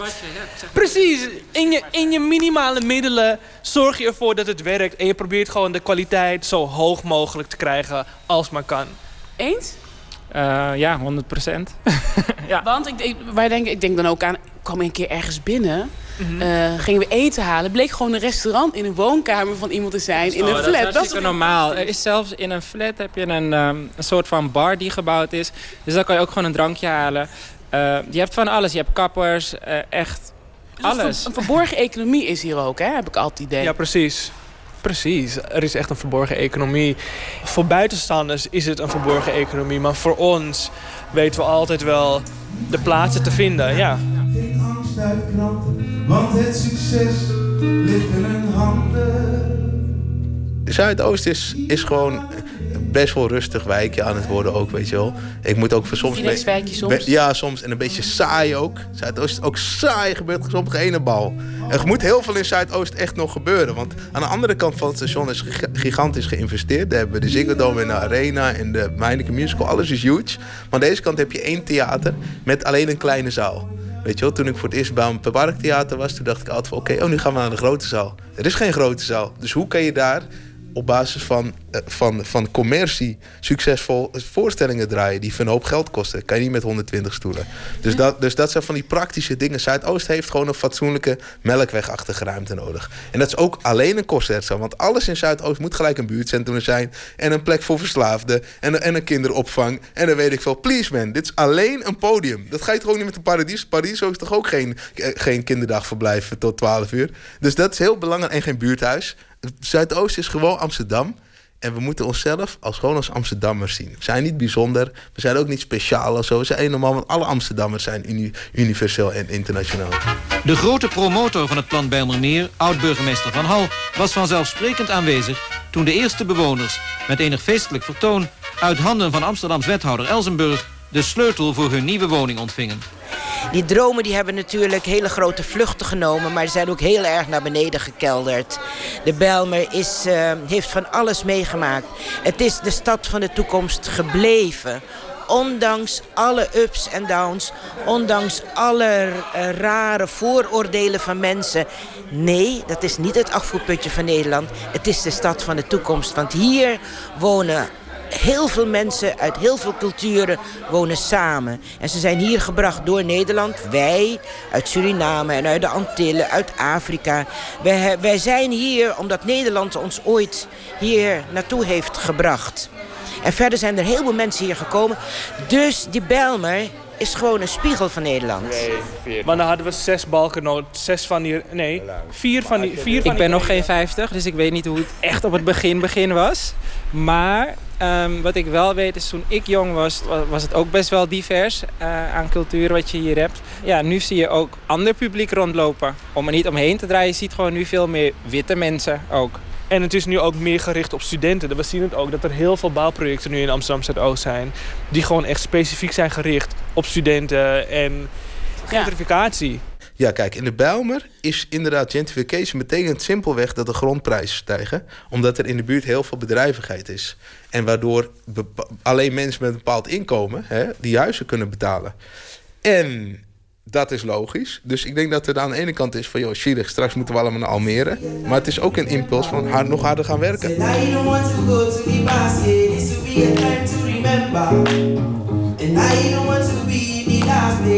And Wat ik altijd jammer vind en wat me ook verontrust... dat, eh, eh, dat de, de, kansrijke kant van Zuidoost... met al die grote bedrijven, eh, multinationals, banken, et cetera... en die grote werkloosheid die er bestaat onder jongeren...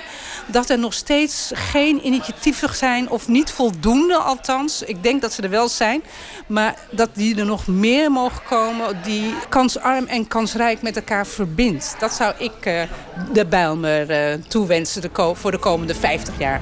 Station Bijlmer, Johan Cruijff Arena. Uitstappen linkerzijde, overstappen op bus 44. Bijna 76.000 forensen werken iedere dag in die andere kant. En er wonen 80.000 mensen aan deze kant. Dus, hmm, dus apart. Eigenlijk zou het een opstap kunnen zijn voor werk. Dat is het nog niet. Het eerste wat mensen opvallen die uit, uit, eh, uit eh, Hendrik Ido Ambacht naar de Bijlmer komen... dat het zwart is. Laat het gewoon zo stellen. Het is gewoon, er wonen heel veel zwarte mensen in Zuidoost. Eerst wat je op je denk je, what the hell? Wat, wat gebeurt hier, weet je? Dat heb ik nog nooit gezien. Dus dat is ook heel makkelijk dan om, weet je, om eruit te gaan... oh, dat is vast niet goed of zo. Maar heel veel mensen werken gewoon keihard, weet je. Doen hun best, doen hun dingen. En Nederland aan zich is een heel prettig land om te wonen.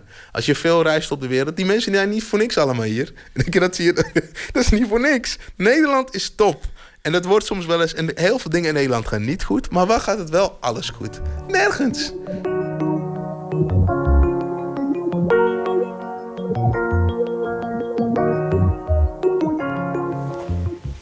Tot 25 november 2018 dus allemaal activiteiten in het kader van de 50-jarige verjaardag van de Belmer. Open Space Contemporary Art Museum in het eh, Cultureel Educatief Centrum is te bezoeken tot 11 januari. Uit Londen een eh, jonge R&B zangeres Ella May en dit nummer heet Naked.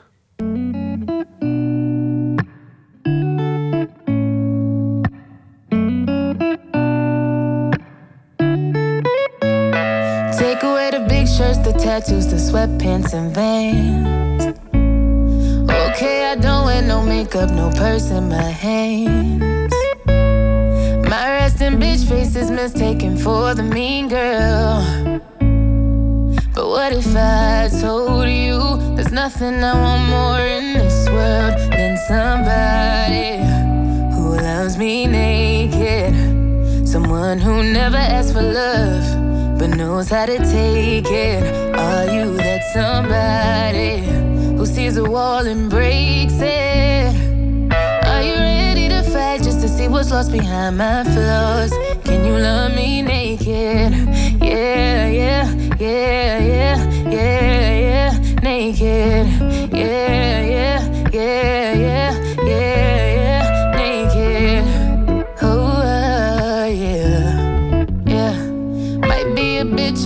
morning, so catch me at nighttime. Some of my friends think I'm moody, but I think I'm just fine. I could be pissed, but I act like I'm not. I really remember when I say I forgot. No matter how hard I try to run away from love at the end of the night, I need somebody who loves me naked. Someone who never asks for love, but knows how to take it. Are you that somebody who sees a wall and breaks it? Are you ready to fight just to see what's lost behind my flaws? Can you love me naked? Yeah, yeah, yeah, yeah, yeah, yeah, naked. Yeah, yeah, yeah, yeah, yeah, yeah, naked. I need someone who loves me when I wake up. Who thinks I'm beautiful when I'm looking fucked up? I want that perfect love. Am I asking too much?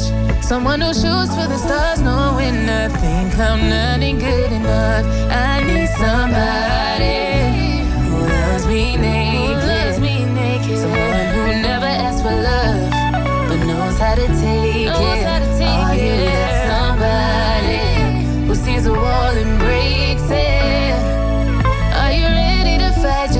was lost behind my flaws. Can you love me naked? Yeah, yeah, yeah, yeah, yeah.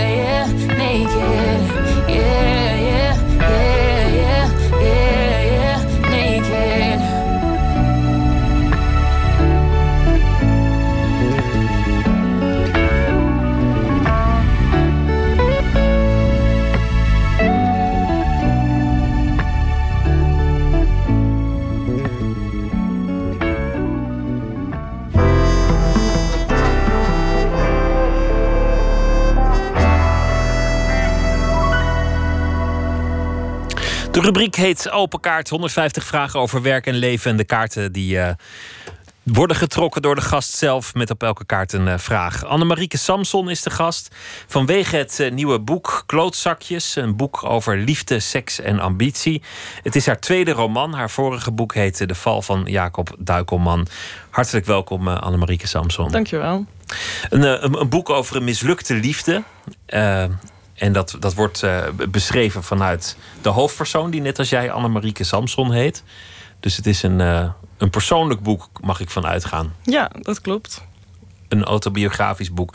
Het, het, het mooie vind ik, in het tweede deel gaat het over het schrijven van het boek zelf. Dus, dus je zit al iets te lezen dat in het boek nog tot stand komt. Waardoor de, de werkelijkheid en de fictie bij elkaar komen. En, en wat ik dan heel mooi vind, is dat, dat je eigenlijk niet meer weet wat nog betrouwbaar is. Ja. In hoeverre die persoon over een jaar er anders over zal denken en een jaar daarvoor er ook weer anders over dacht. Ja. Over die mislukte relatie. Ja, dat is um, toch ook realistisch. Um, ik vind. Um, ik heb zelf bijvoorbeeld met heel veel plezier de boeken van Helena Ferrante gelezen. Waarin ze ook eigenlijk eerst het boek een jeugd omschrijft. En daarna eigenlijk de rest van het leven, waarin je steeds anders terugkijkt op hetzelfde. En uh, dat vond ik heel, heel treffend. Uh, dacht opeens met terugwerkende kracht. Wat wordt er toch altijd veel geponeerd in de literatuur alsof het zo gebeurd is. Terwijl er natuurlijk altijd zoveel verschillende kijken op elk verhaal uh, bestaan. Je maakt er een verhaal van en het moment dat je dat doet, wordt dat verhaal ook een beetje waar. En, en als je er weer een ander verhaal van maakt, wordt dat ook weer een beetje waar. Ja, ja elk verhaal kent heel veel waar, mogelijke waarheden. Kun je dat boek dan nu zelf lezen? Als je het nu, nu terugleest, denk je dan nog hetzelfde over het verloop van die relatie? Um, ja. Um, ik denk dat elke elk verhaal wat er over de relatie in staat, in principe allemaal waar is. En ik denk dat in heel veel uh, um, verhalen zo is. Uh, dat je er op een ander moment in je leven anders naar kijkt. En um, ik heb juist eigenlijk met het schrijven met heel veel plezier ook teruggekeken naar een relatie die misschien niet heel leuk eindigde, maar in het begin wel heel erg leuk natuurlijk was. Als je gaat terugreizen in de tijd, worden relaties alleen maar leuker eigenlijk. De, de, de, klootzakjes, dat slaat op, op de, de vrienden van de hoofdpersoon, de, de geliefde, de, de man in het, in het verhaal, die zijn vrienden zo aanduidt. Eigenlijk zijn uh, scheldwoorden en koosnaampjes voor hem niet, niet iets anders. Uh, het meisje wordt ook altijd snolletje genoemd. En dat is, dat is liefkozend. Een jongen die kunstenaar is en die zich verzet tegen het burgerlijke bestaan. Hij wil er buiten staan. Maar eigenlijk doet hij daarmee hetzelfde, maar dan gespiegeld. Want, want al zijn daden worden bepaald door dat burgerlijk bestaan. De vrouw in kwestie die noemt zichzelf een feminist, maar loopt tegen dat feminisme aan. Want eigenlijk is het, is best makkelijk om te zeggen dat je het bent, maar in praktijk is het best moeilijk om, om te bepalen wat het dan is. Wanneer ben je een goede feminist? Ja. Is dat iets dat je in je eigen leven herkent? Uh, ja, ik denk het wel.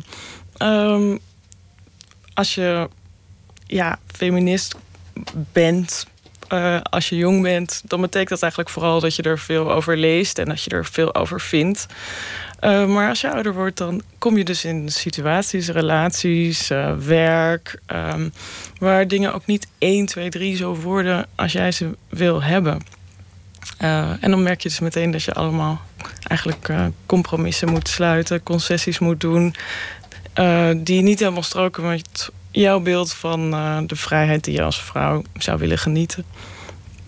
In een relatie moet je die compromissen doen, bijvoorbeeld. Ja, een van de dingen die, die in het boek een grote rol speelt, is dat de man het eigenlijk totaal niet kan hebben als de vrouw zich ontwikkelt. Een carrière nastreeft, ambities krijgt, zich artistiek gaat ontplooien. Eigenlijk vindt hij dat allemaal maar bedreigend. Is, dat, is dat iets, iets dat typerend is voor mannen tegenwoordig? Weet ik niet. Um, in elk geval was dat in dit geval In dit zo. geval zo. En ik zie het ook wel meer om me heen. Ja. Uh, ik heb uh, een grote schare vriendinnen die je kan typeren als sterke, onafhankelijke vrouwen.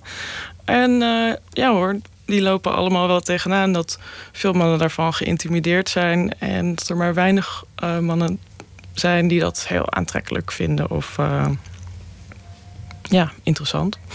Liever een, een mooie vriendin dan een, eh, dan een vriendin die slim is of succesvol of, eh, Ja, mooi. of interessant. Mooi en, en lief en zorgzaam. Dat zijn toch nog steeds wel kenmerken die heel veel mannen van huis uit ehm, ja, van hun moeder ook weer meekregen. En die ze ook graag weer in hun vriendin terugzien.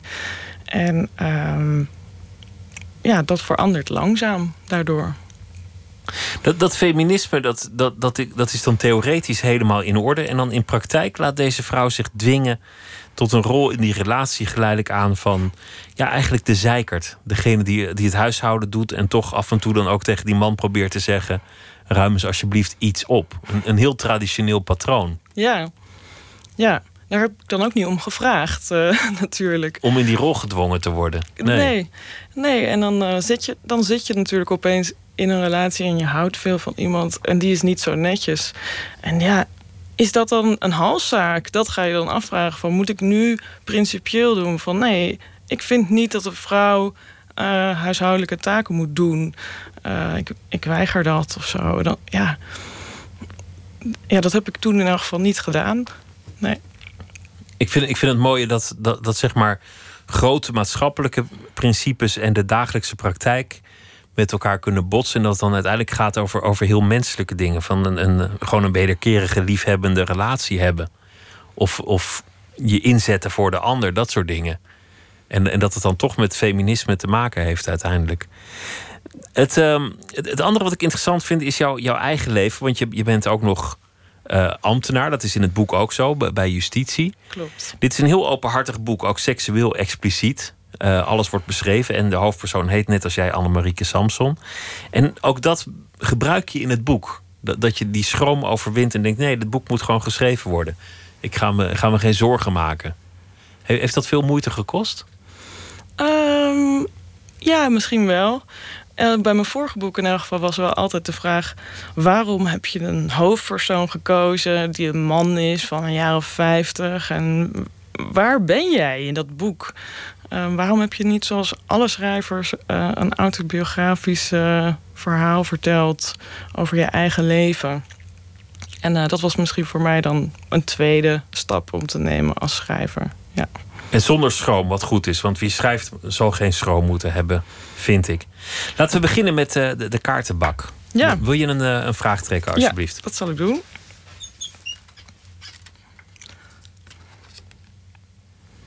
Wanneer begon je jezelf serieus te nemen?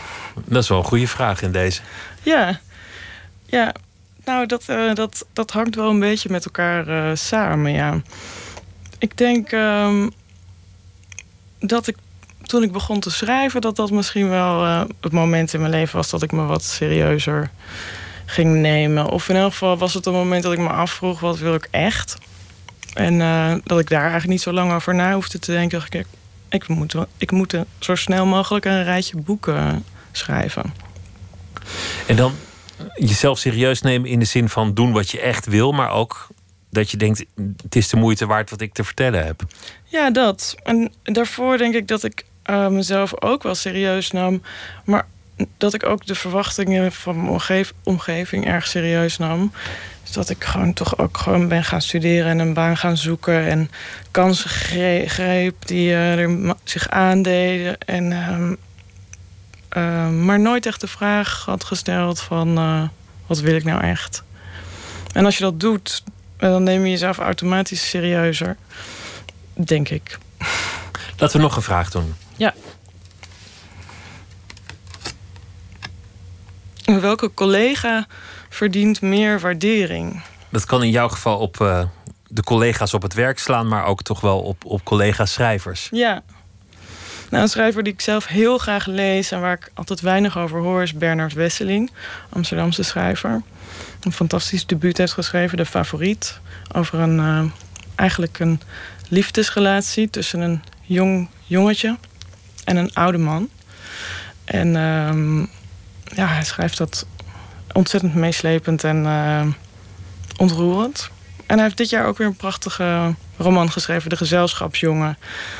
Ehm, ja, waarin hij schrijft over eh, dat hij een affaire was van een, eh, een rijke, succesvolle dame. Eigenlijk een, een beetje omkering van de traditionele beeld van wat wij hebben van een affaire.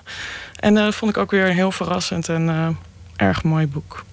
Bernard Wesseling, we trekken nog een vraag. Welk bedrog is je sterk bijgebleven? Um, nou, daar kan ik nou eigenlijk niet echt een voorbeeld van bedenken. Mm, bedrog. In, in die relatie die je beschrijft in je boek Klootzakjes, daar wordt over en weer wel tegen bedrog aangeschuurd. Ja, je kan het bedrog uh, noemen natuurlijk. Want dat is ook weer zo'n toch ook een beetje een traditioneel beeld van uh, dat vreemdgaan bedrog uh, is. Um, maar ja, ik zou dat dan zelf meer zien dat mensen in hun leven soms verliefd worden op iemand anders. Of geïnteresseerd raken of, of wat dan ook. Ja, ik vind bedrog vind ik echt zo'n ah, een rotwoord eigenlijk. Het is, dat is echt uh, iets waar dan in de middeleeuwen ridders uh, over uittrokken of zo. Ja, dat, dat gebeurt eigenlijk niet echt. Uh, in maar het bestaat natuurlijk wel. Er is natuurlijk wel bedrog in het leven. Je kan wel zeggen, als iemand iets doet, dit is toch echt bedrog. Het is wel een moment dat je iemand echt bedondert. Nou ja, een, een, een, verhaal over bedrog wat mij erg heeft geraakt. Uh, ja, dat is een verhaal van mijn oma, die ook in het boek uh, voorkomt. Maar die is toen zij net in Amsterdam kwam wonen in uh, 1939 bedrogen door haar vriendje. Die ging er vandoor met haar sieraden en vluchtte van dat geld naar Amerika zonder haar. Waardoor zij in Amsterdam achterbleef en de oorlog begon en ze nauwelijks meer een cent bezat. En, en van Joodse, uh, een Joodse familie, dus ze was ook in gevaar.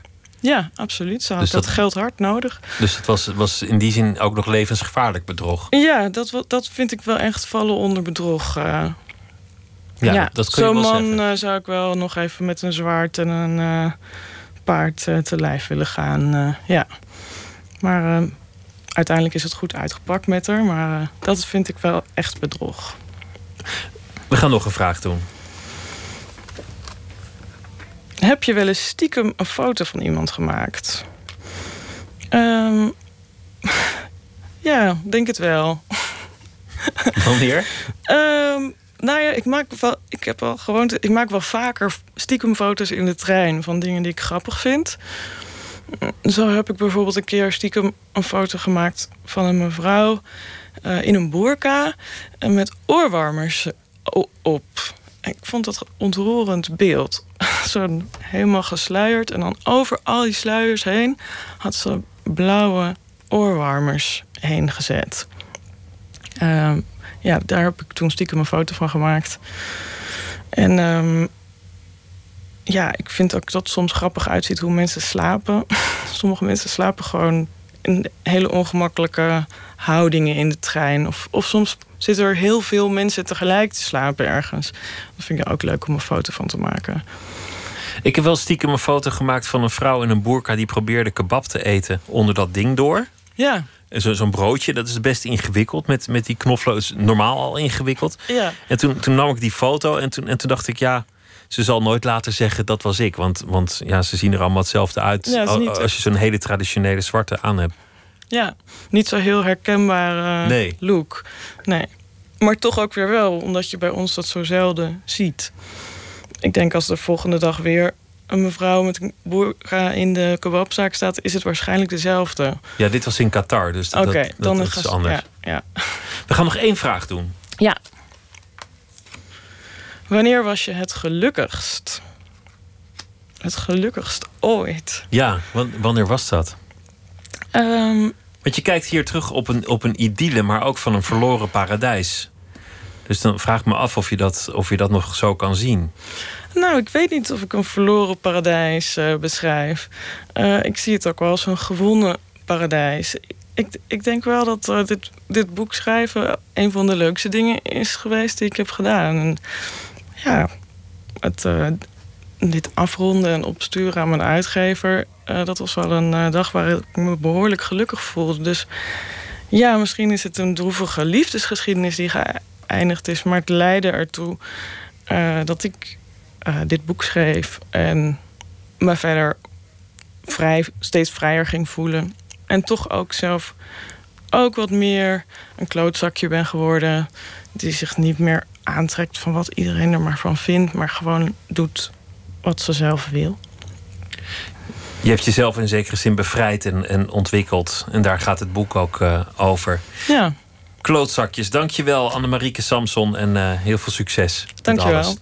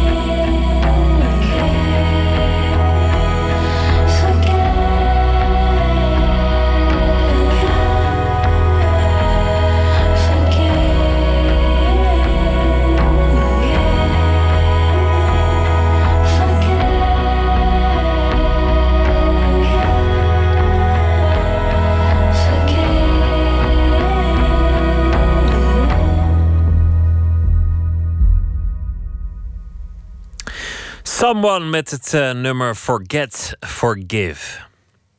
1 minuut, een reeks verhalen in 60 seconden. En deze is gemaakt door Jennifer Patterson en heet Sloffe Liefde.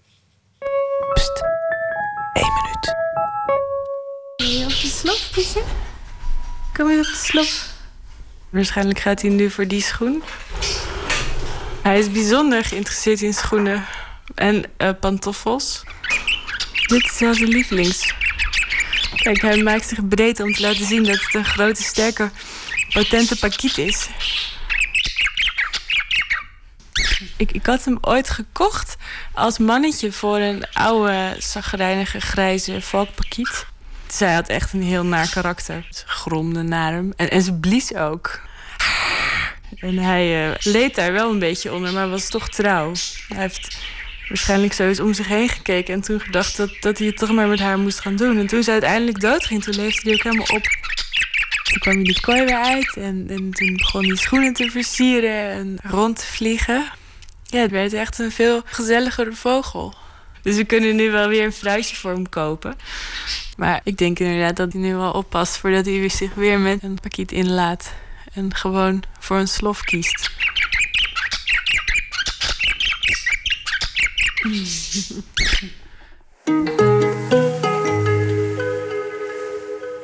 Deze hele komende week is Erik-Jan Harmens onze vaste schrijver. Elke nacht zal hij een verhaal maken bij de dag die achter ons ligt.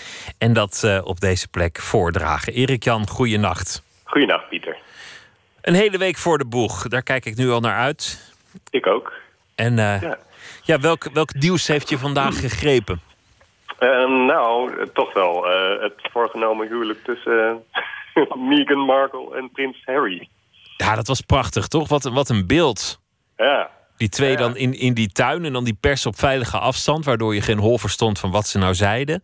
Oh, zie je, dat heb ik allemaal niet eens gezien. Ik, weet- het enige wat ik heb gezien is het bericht en eh, het nieuws dat ze een heel klein huis betrekken. Wat is, heel, drie- wat is heel klein? Nou, drie slaapkamers. Oh. Met z'n tweeën. Maar dat is voor een prinselijk paar, zeg maar. Of wat zijn ze? Ja, prinselijk paar is dat, is dat echt heel klein. Dus, Ja, dat is waar. Dat, nee, ja. Ja, dat- ja, ik bedoel, ik heb 60 vierkante meter, maar ik ben geen prinselijk paar. Dus, Dat is waar. Nee, ik ben benieuwd naar je verhaal. Ga je gang. Ja. Vandaag kreeg ik een telegraaf nieuwsflash op mijn telefoon. Prins Harry gaat trouwen met Meghan Markle. Een pijnscheut met de kracht van een koortsstuip joeg door mijn lichaam... omdat ik net als miljoenen, zo niet miljarden anderen... verliefd ben op Meghan Markle. Nou ja, verliefd. Ik ken Meghan Markle natuurlijk helemaal niet. Van Dalen definieert liefde als warme gevoelens van genegenheid. En genegenheid is oprechte en warme belangstelling. Steeds komt in die definities het woord warm terug. En hoe graag ik ook zou willen, ik kan het contact tussen Meghan Markle en mijzelf met geen mogelijkheid warm noemen. Al zat ze vanochtend op de rand van mijn bed, overigens helemaal aangekleed. Ze droeg onder andere een door haar weer hip gemaakte kokerrok. Megan schudde me glimlachend wakker zoals alleen zij dat kan. Ze sprak mijn naam uit. Wel een beetje met een Amerikaans accent, maar Allah. En evaporeerde. Dat ze in lucht was opgegaan betekende dat het tijd was om op te staan. Morgenochtend zit Meghan Markle trouwens niet op mijn bed... want ze gaat dus trouwen met prins Harry. Die vieze vuile loser met zijn baard. Zes jaar geleden verscheen prins Harry, toen nog zonder baard... op een gekostumeerd feest in nazi-uniform... compleet met Wehrmacht-insigne en een rode armband met swastika. Maar hé, hey, we zijn allemaal wel eens in nazi-uniform... met Wehrmacht-insigne en swastika-armband... op een gekostumeerd feest verschenen. Dat kun je hem toch niet nadragen, die prins Harry. Prins Harry. Prins Harry. Een naam die klinkt alsof hij is verkozen op de 11e van de 11e. Er was overigens nog een primeur over zijn 36-jarige aanstaande. De Telegraaf schreef... Prins Harry was niet de eerste man in Meghan Markles leven. Net goed, dacht ik, treedt hij in het huwelijk met een afgelikte boterham. Ja, al die nieuwtjes. Niet, niet de eerste man. Het zou wat zijn, er zeg. echt, ja. Ongelooflijk, hè? Ja, 2017. En niet de eerste man. niet de eerste man in Meghan Markle's leven. Het, was echt, het had de kop wel mogen zijn, wat mij betreft. En ze hebben elkaar leren kennen op een blind date. Dat, Ja. dat vond, ik ook, eh, vond ik ook moeilijk te geloven, maar goed. En, eh, en het, de aanzoek was eh, tijdens het bereiden van de kip gedaan. En het was toch een romantisch aanzoek geweest. Hoe weet jij dit allemaal, Pieter? Ja, nou, ik, heb, ik heb het niet actief opgezocht, maar dit, dit wordt je gewoon verteld. Allemaal in jouw, geheugen. Ja. Op hele degelijke nieuwskanalen. Maar ik dacht de hele dag dat het is maar goed dat je in het leven niet altijd weet waar je instapt. Dat naïviteit misschien ook een evolutionaire functie heeft, omdat we anders niks meer doen. ja. Dus Ik dat, zij trouwens stapt in iets. Ja, Maar ook mensen die zeiden, ik heb niks met het Koningshuis... maar ik ben wel benieuwd wat voor kindjes er eh, van komen. Oh, daar ben jij dan weer benieuwd naar. Nee, dat, dat las ik op Twitter, dat mensen dat uitriepen van... ik ben niet van het Koningshuis, maar ik ben wel benieuwd wat voor kindjes eruit komen. Ja, dat is nou net het hele punt met het Koningshuis. Daar moet je ook benieuwd naar zijn, want het wordt je staatshoofd. Ja, precies. Nou, Erik Jan, dankjewel. Goeienacht en eh, tot morgen. Tot morgen.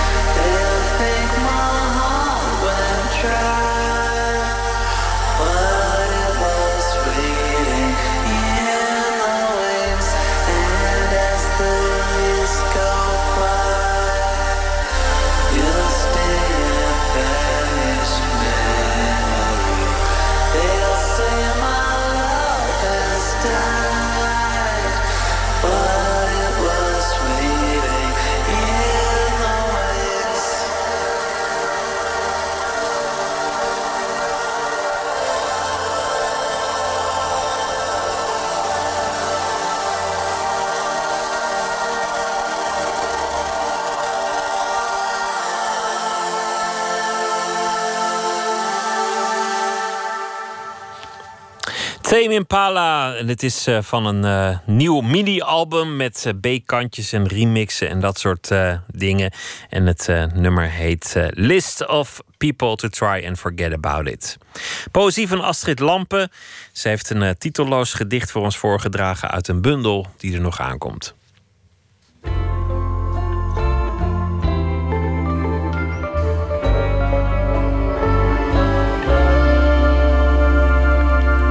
De schrijfhand is lam. Het bosviooltje vlucht voor de mestkarren uit. In grazige beekdalen boeren, boeren. Wil je de weg weten, vraag het de pubermeisjes. Zij keren op hun hakken en het onderwijs wordt aangepast. Rekenend op luchtsteun loodsen zij ons blind voorbij de dorre schoot met mijnen ingezaaid. Ik buk en pluk een glossie uit de berm. Deze laat ons terrasgewijs naar de Oda afdalen. Hier zien de wc'tjes er weer brandschoon uit. In mijn nieuwe bundel ehm, verbind ik maar even Afrika met ehm, Europa. En daarom voer ik een aantal plaatsen op die met Europa te maken hebben. Ik heb een, in, in, in een ander gedicht ook steeds de mei- meisjes opgevoerd. Pubermeisjes, jonge mensen, eh, fris groen. Dat zijn allemaal elementen waar we het van moeten hebben, denk ik. En nou, hier is het wel duidelijk, want die pubermeisjes die zul je precies wijzen eh, waar je zijn wil. En tegelijkertijd, eh, door, eh, doordat ze je voorbij die dorre schoot loodsen, is dat wel bel- belangrijk natuurlijk. Want als je zelf op pad zou gaan, dan heb je kans dat je op een mijn zou trappen. Dus de tegenstelling zit er heel duidelijk in. Van die meisjes die van alles hebben meegemaakt. En wijs zijn, streetwise zou je kunnen zeggen. En ehm, ja, de overgang heb je hier weer met die mijnen ingezaaid. En dan ben ik, Buk en Pluk, een glossy uit de berm. En met die glossy introduceer ik die andere wereld. De wereld zoals we die kennen van reclame, zeg maar. De schrijfhand is lam. Het bosviooltje vlucht voor de mestkarren uit. In grazige beekdalen boeren boeren. Wil je de weg weten? Vraag het de pubermeisjes. Zij keren op hun hakken en het onderwijs wordt aangepast. Rekenend op luchtsteun loodsen zij ons blind voorbij de dorre schoot met mijnen ingezaaid. Ik buk en pluk een glossy uit de berm. Deze laat ons terrasgewijs naar de ode afdalen. Hier zien de wc'tjes er weer brandschoon uit.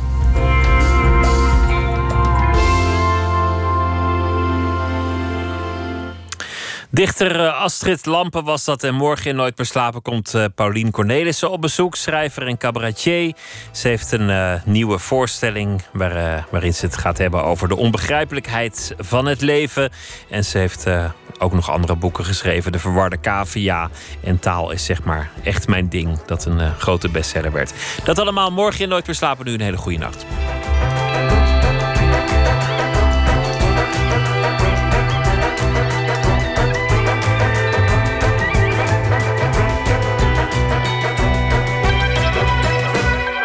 Op Radio 1, het nieuws van alle kanten.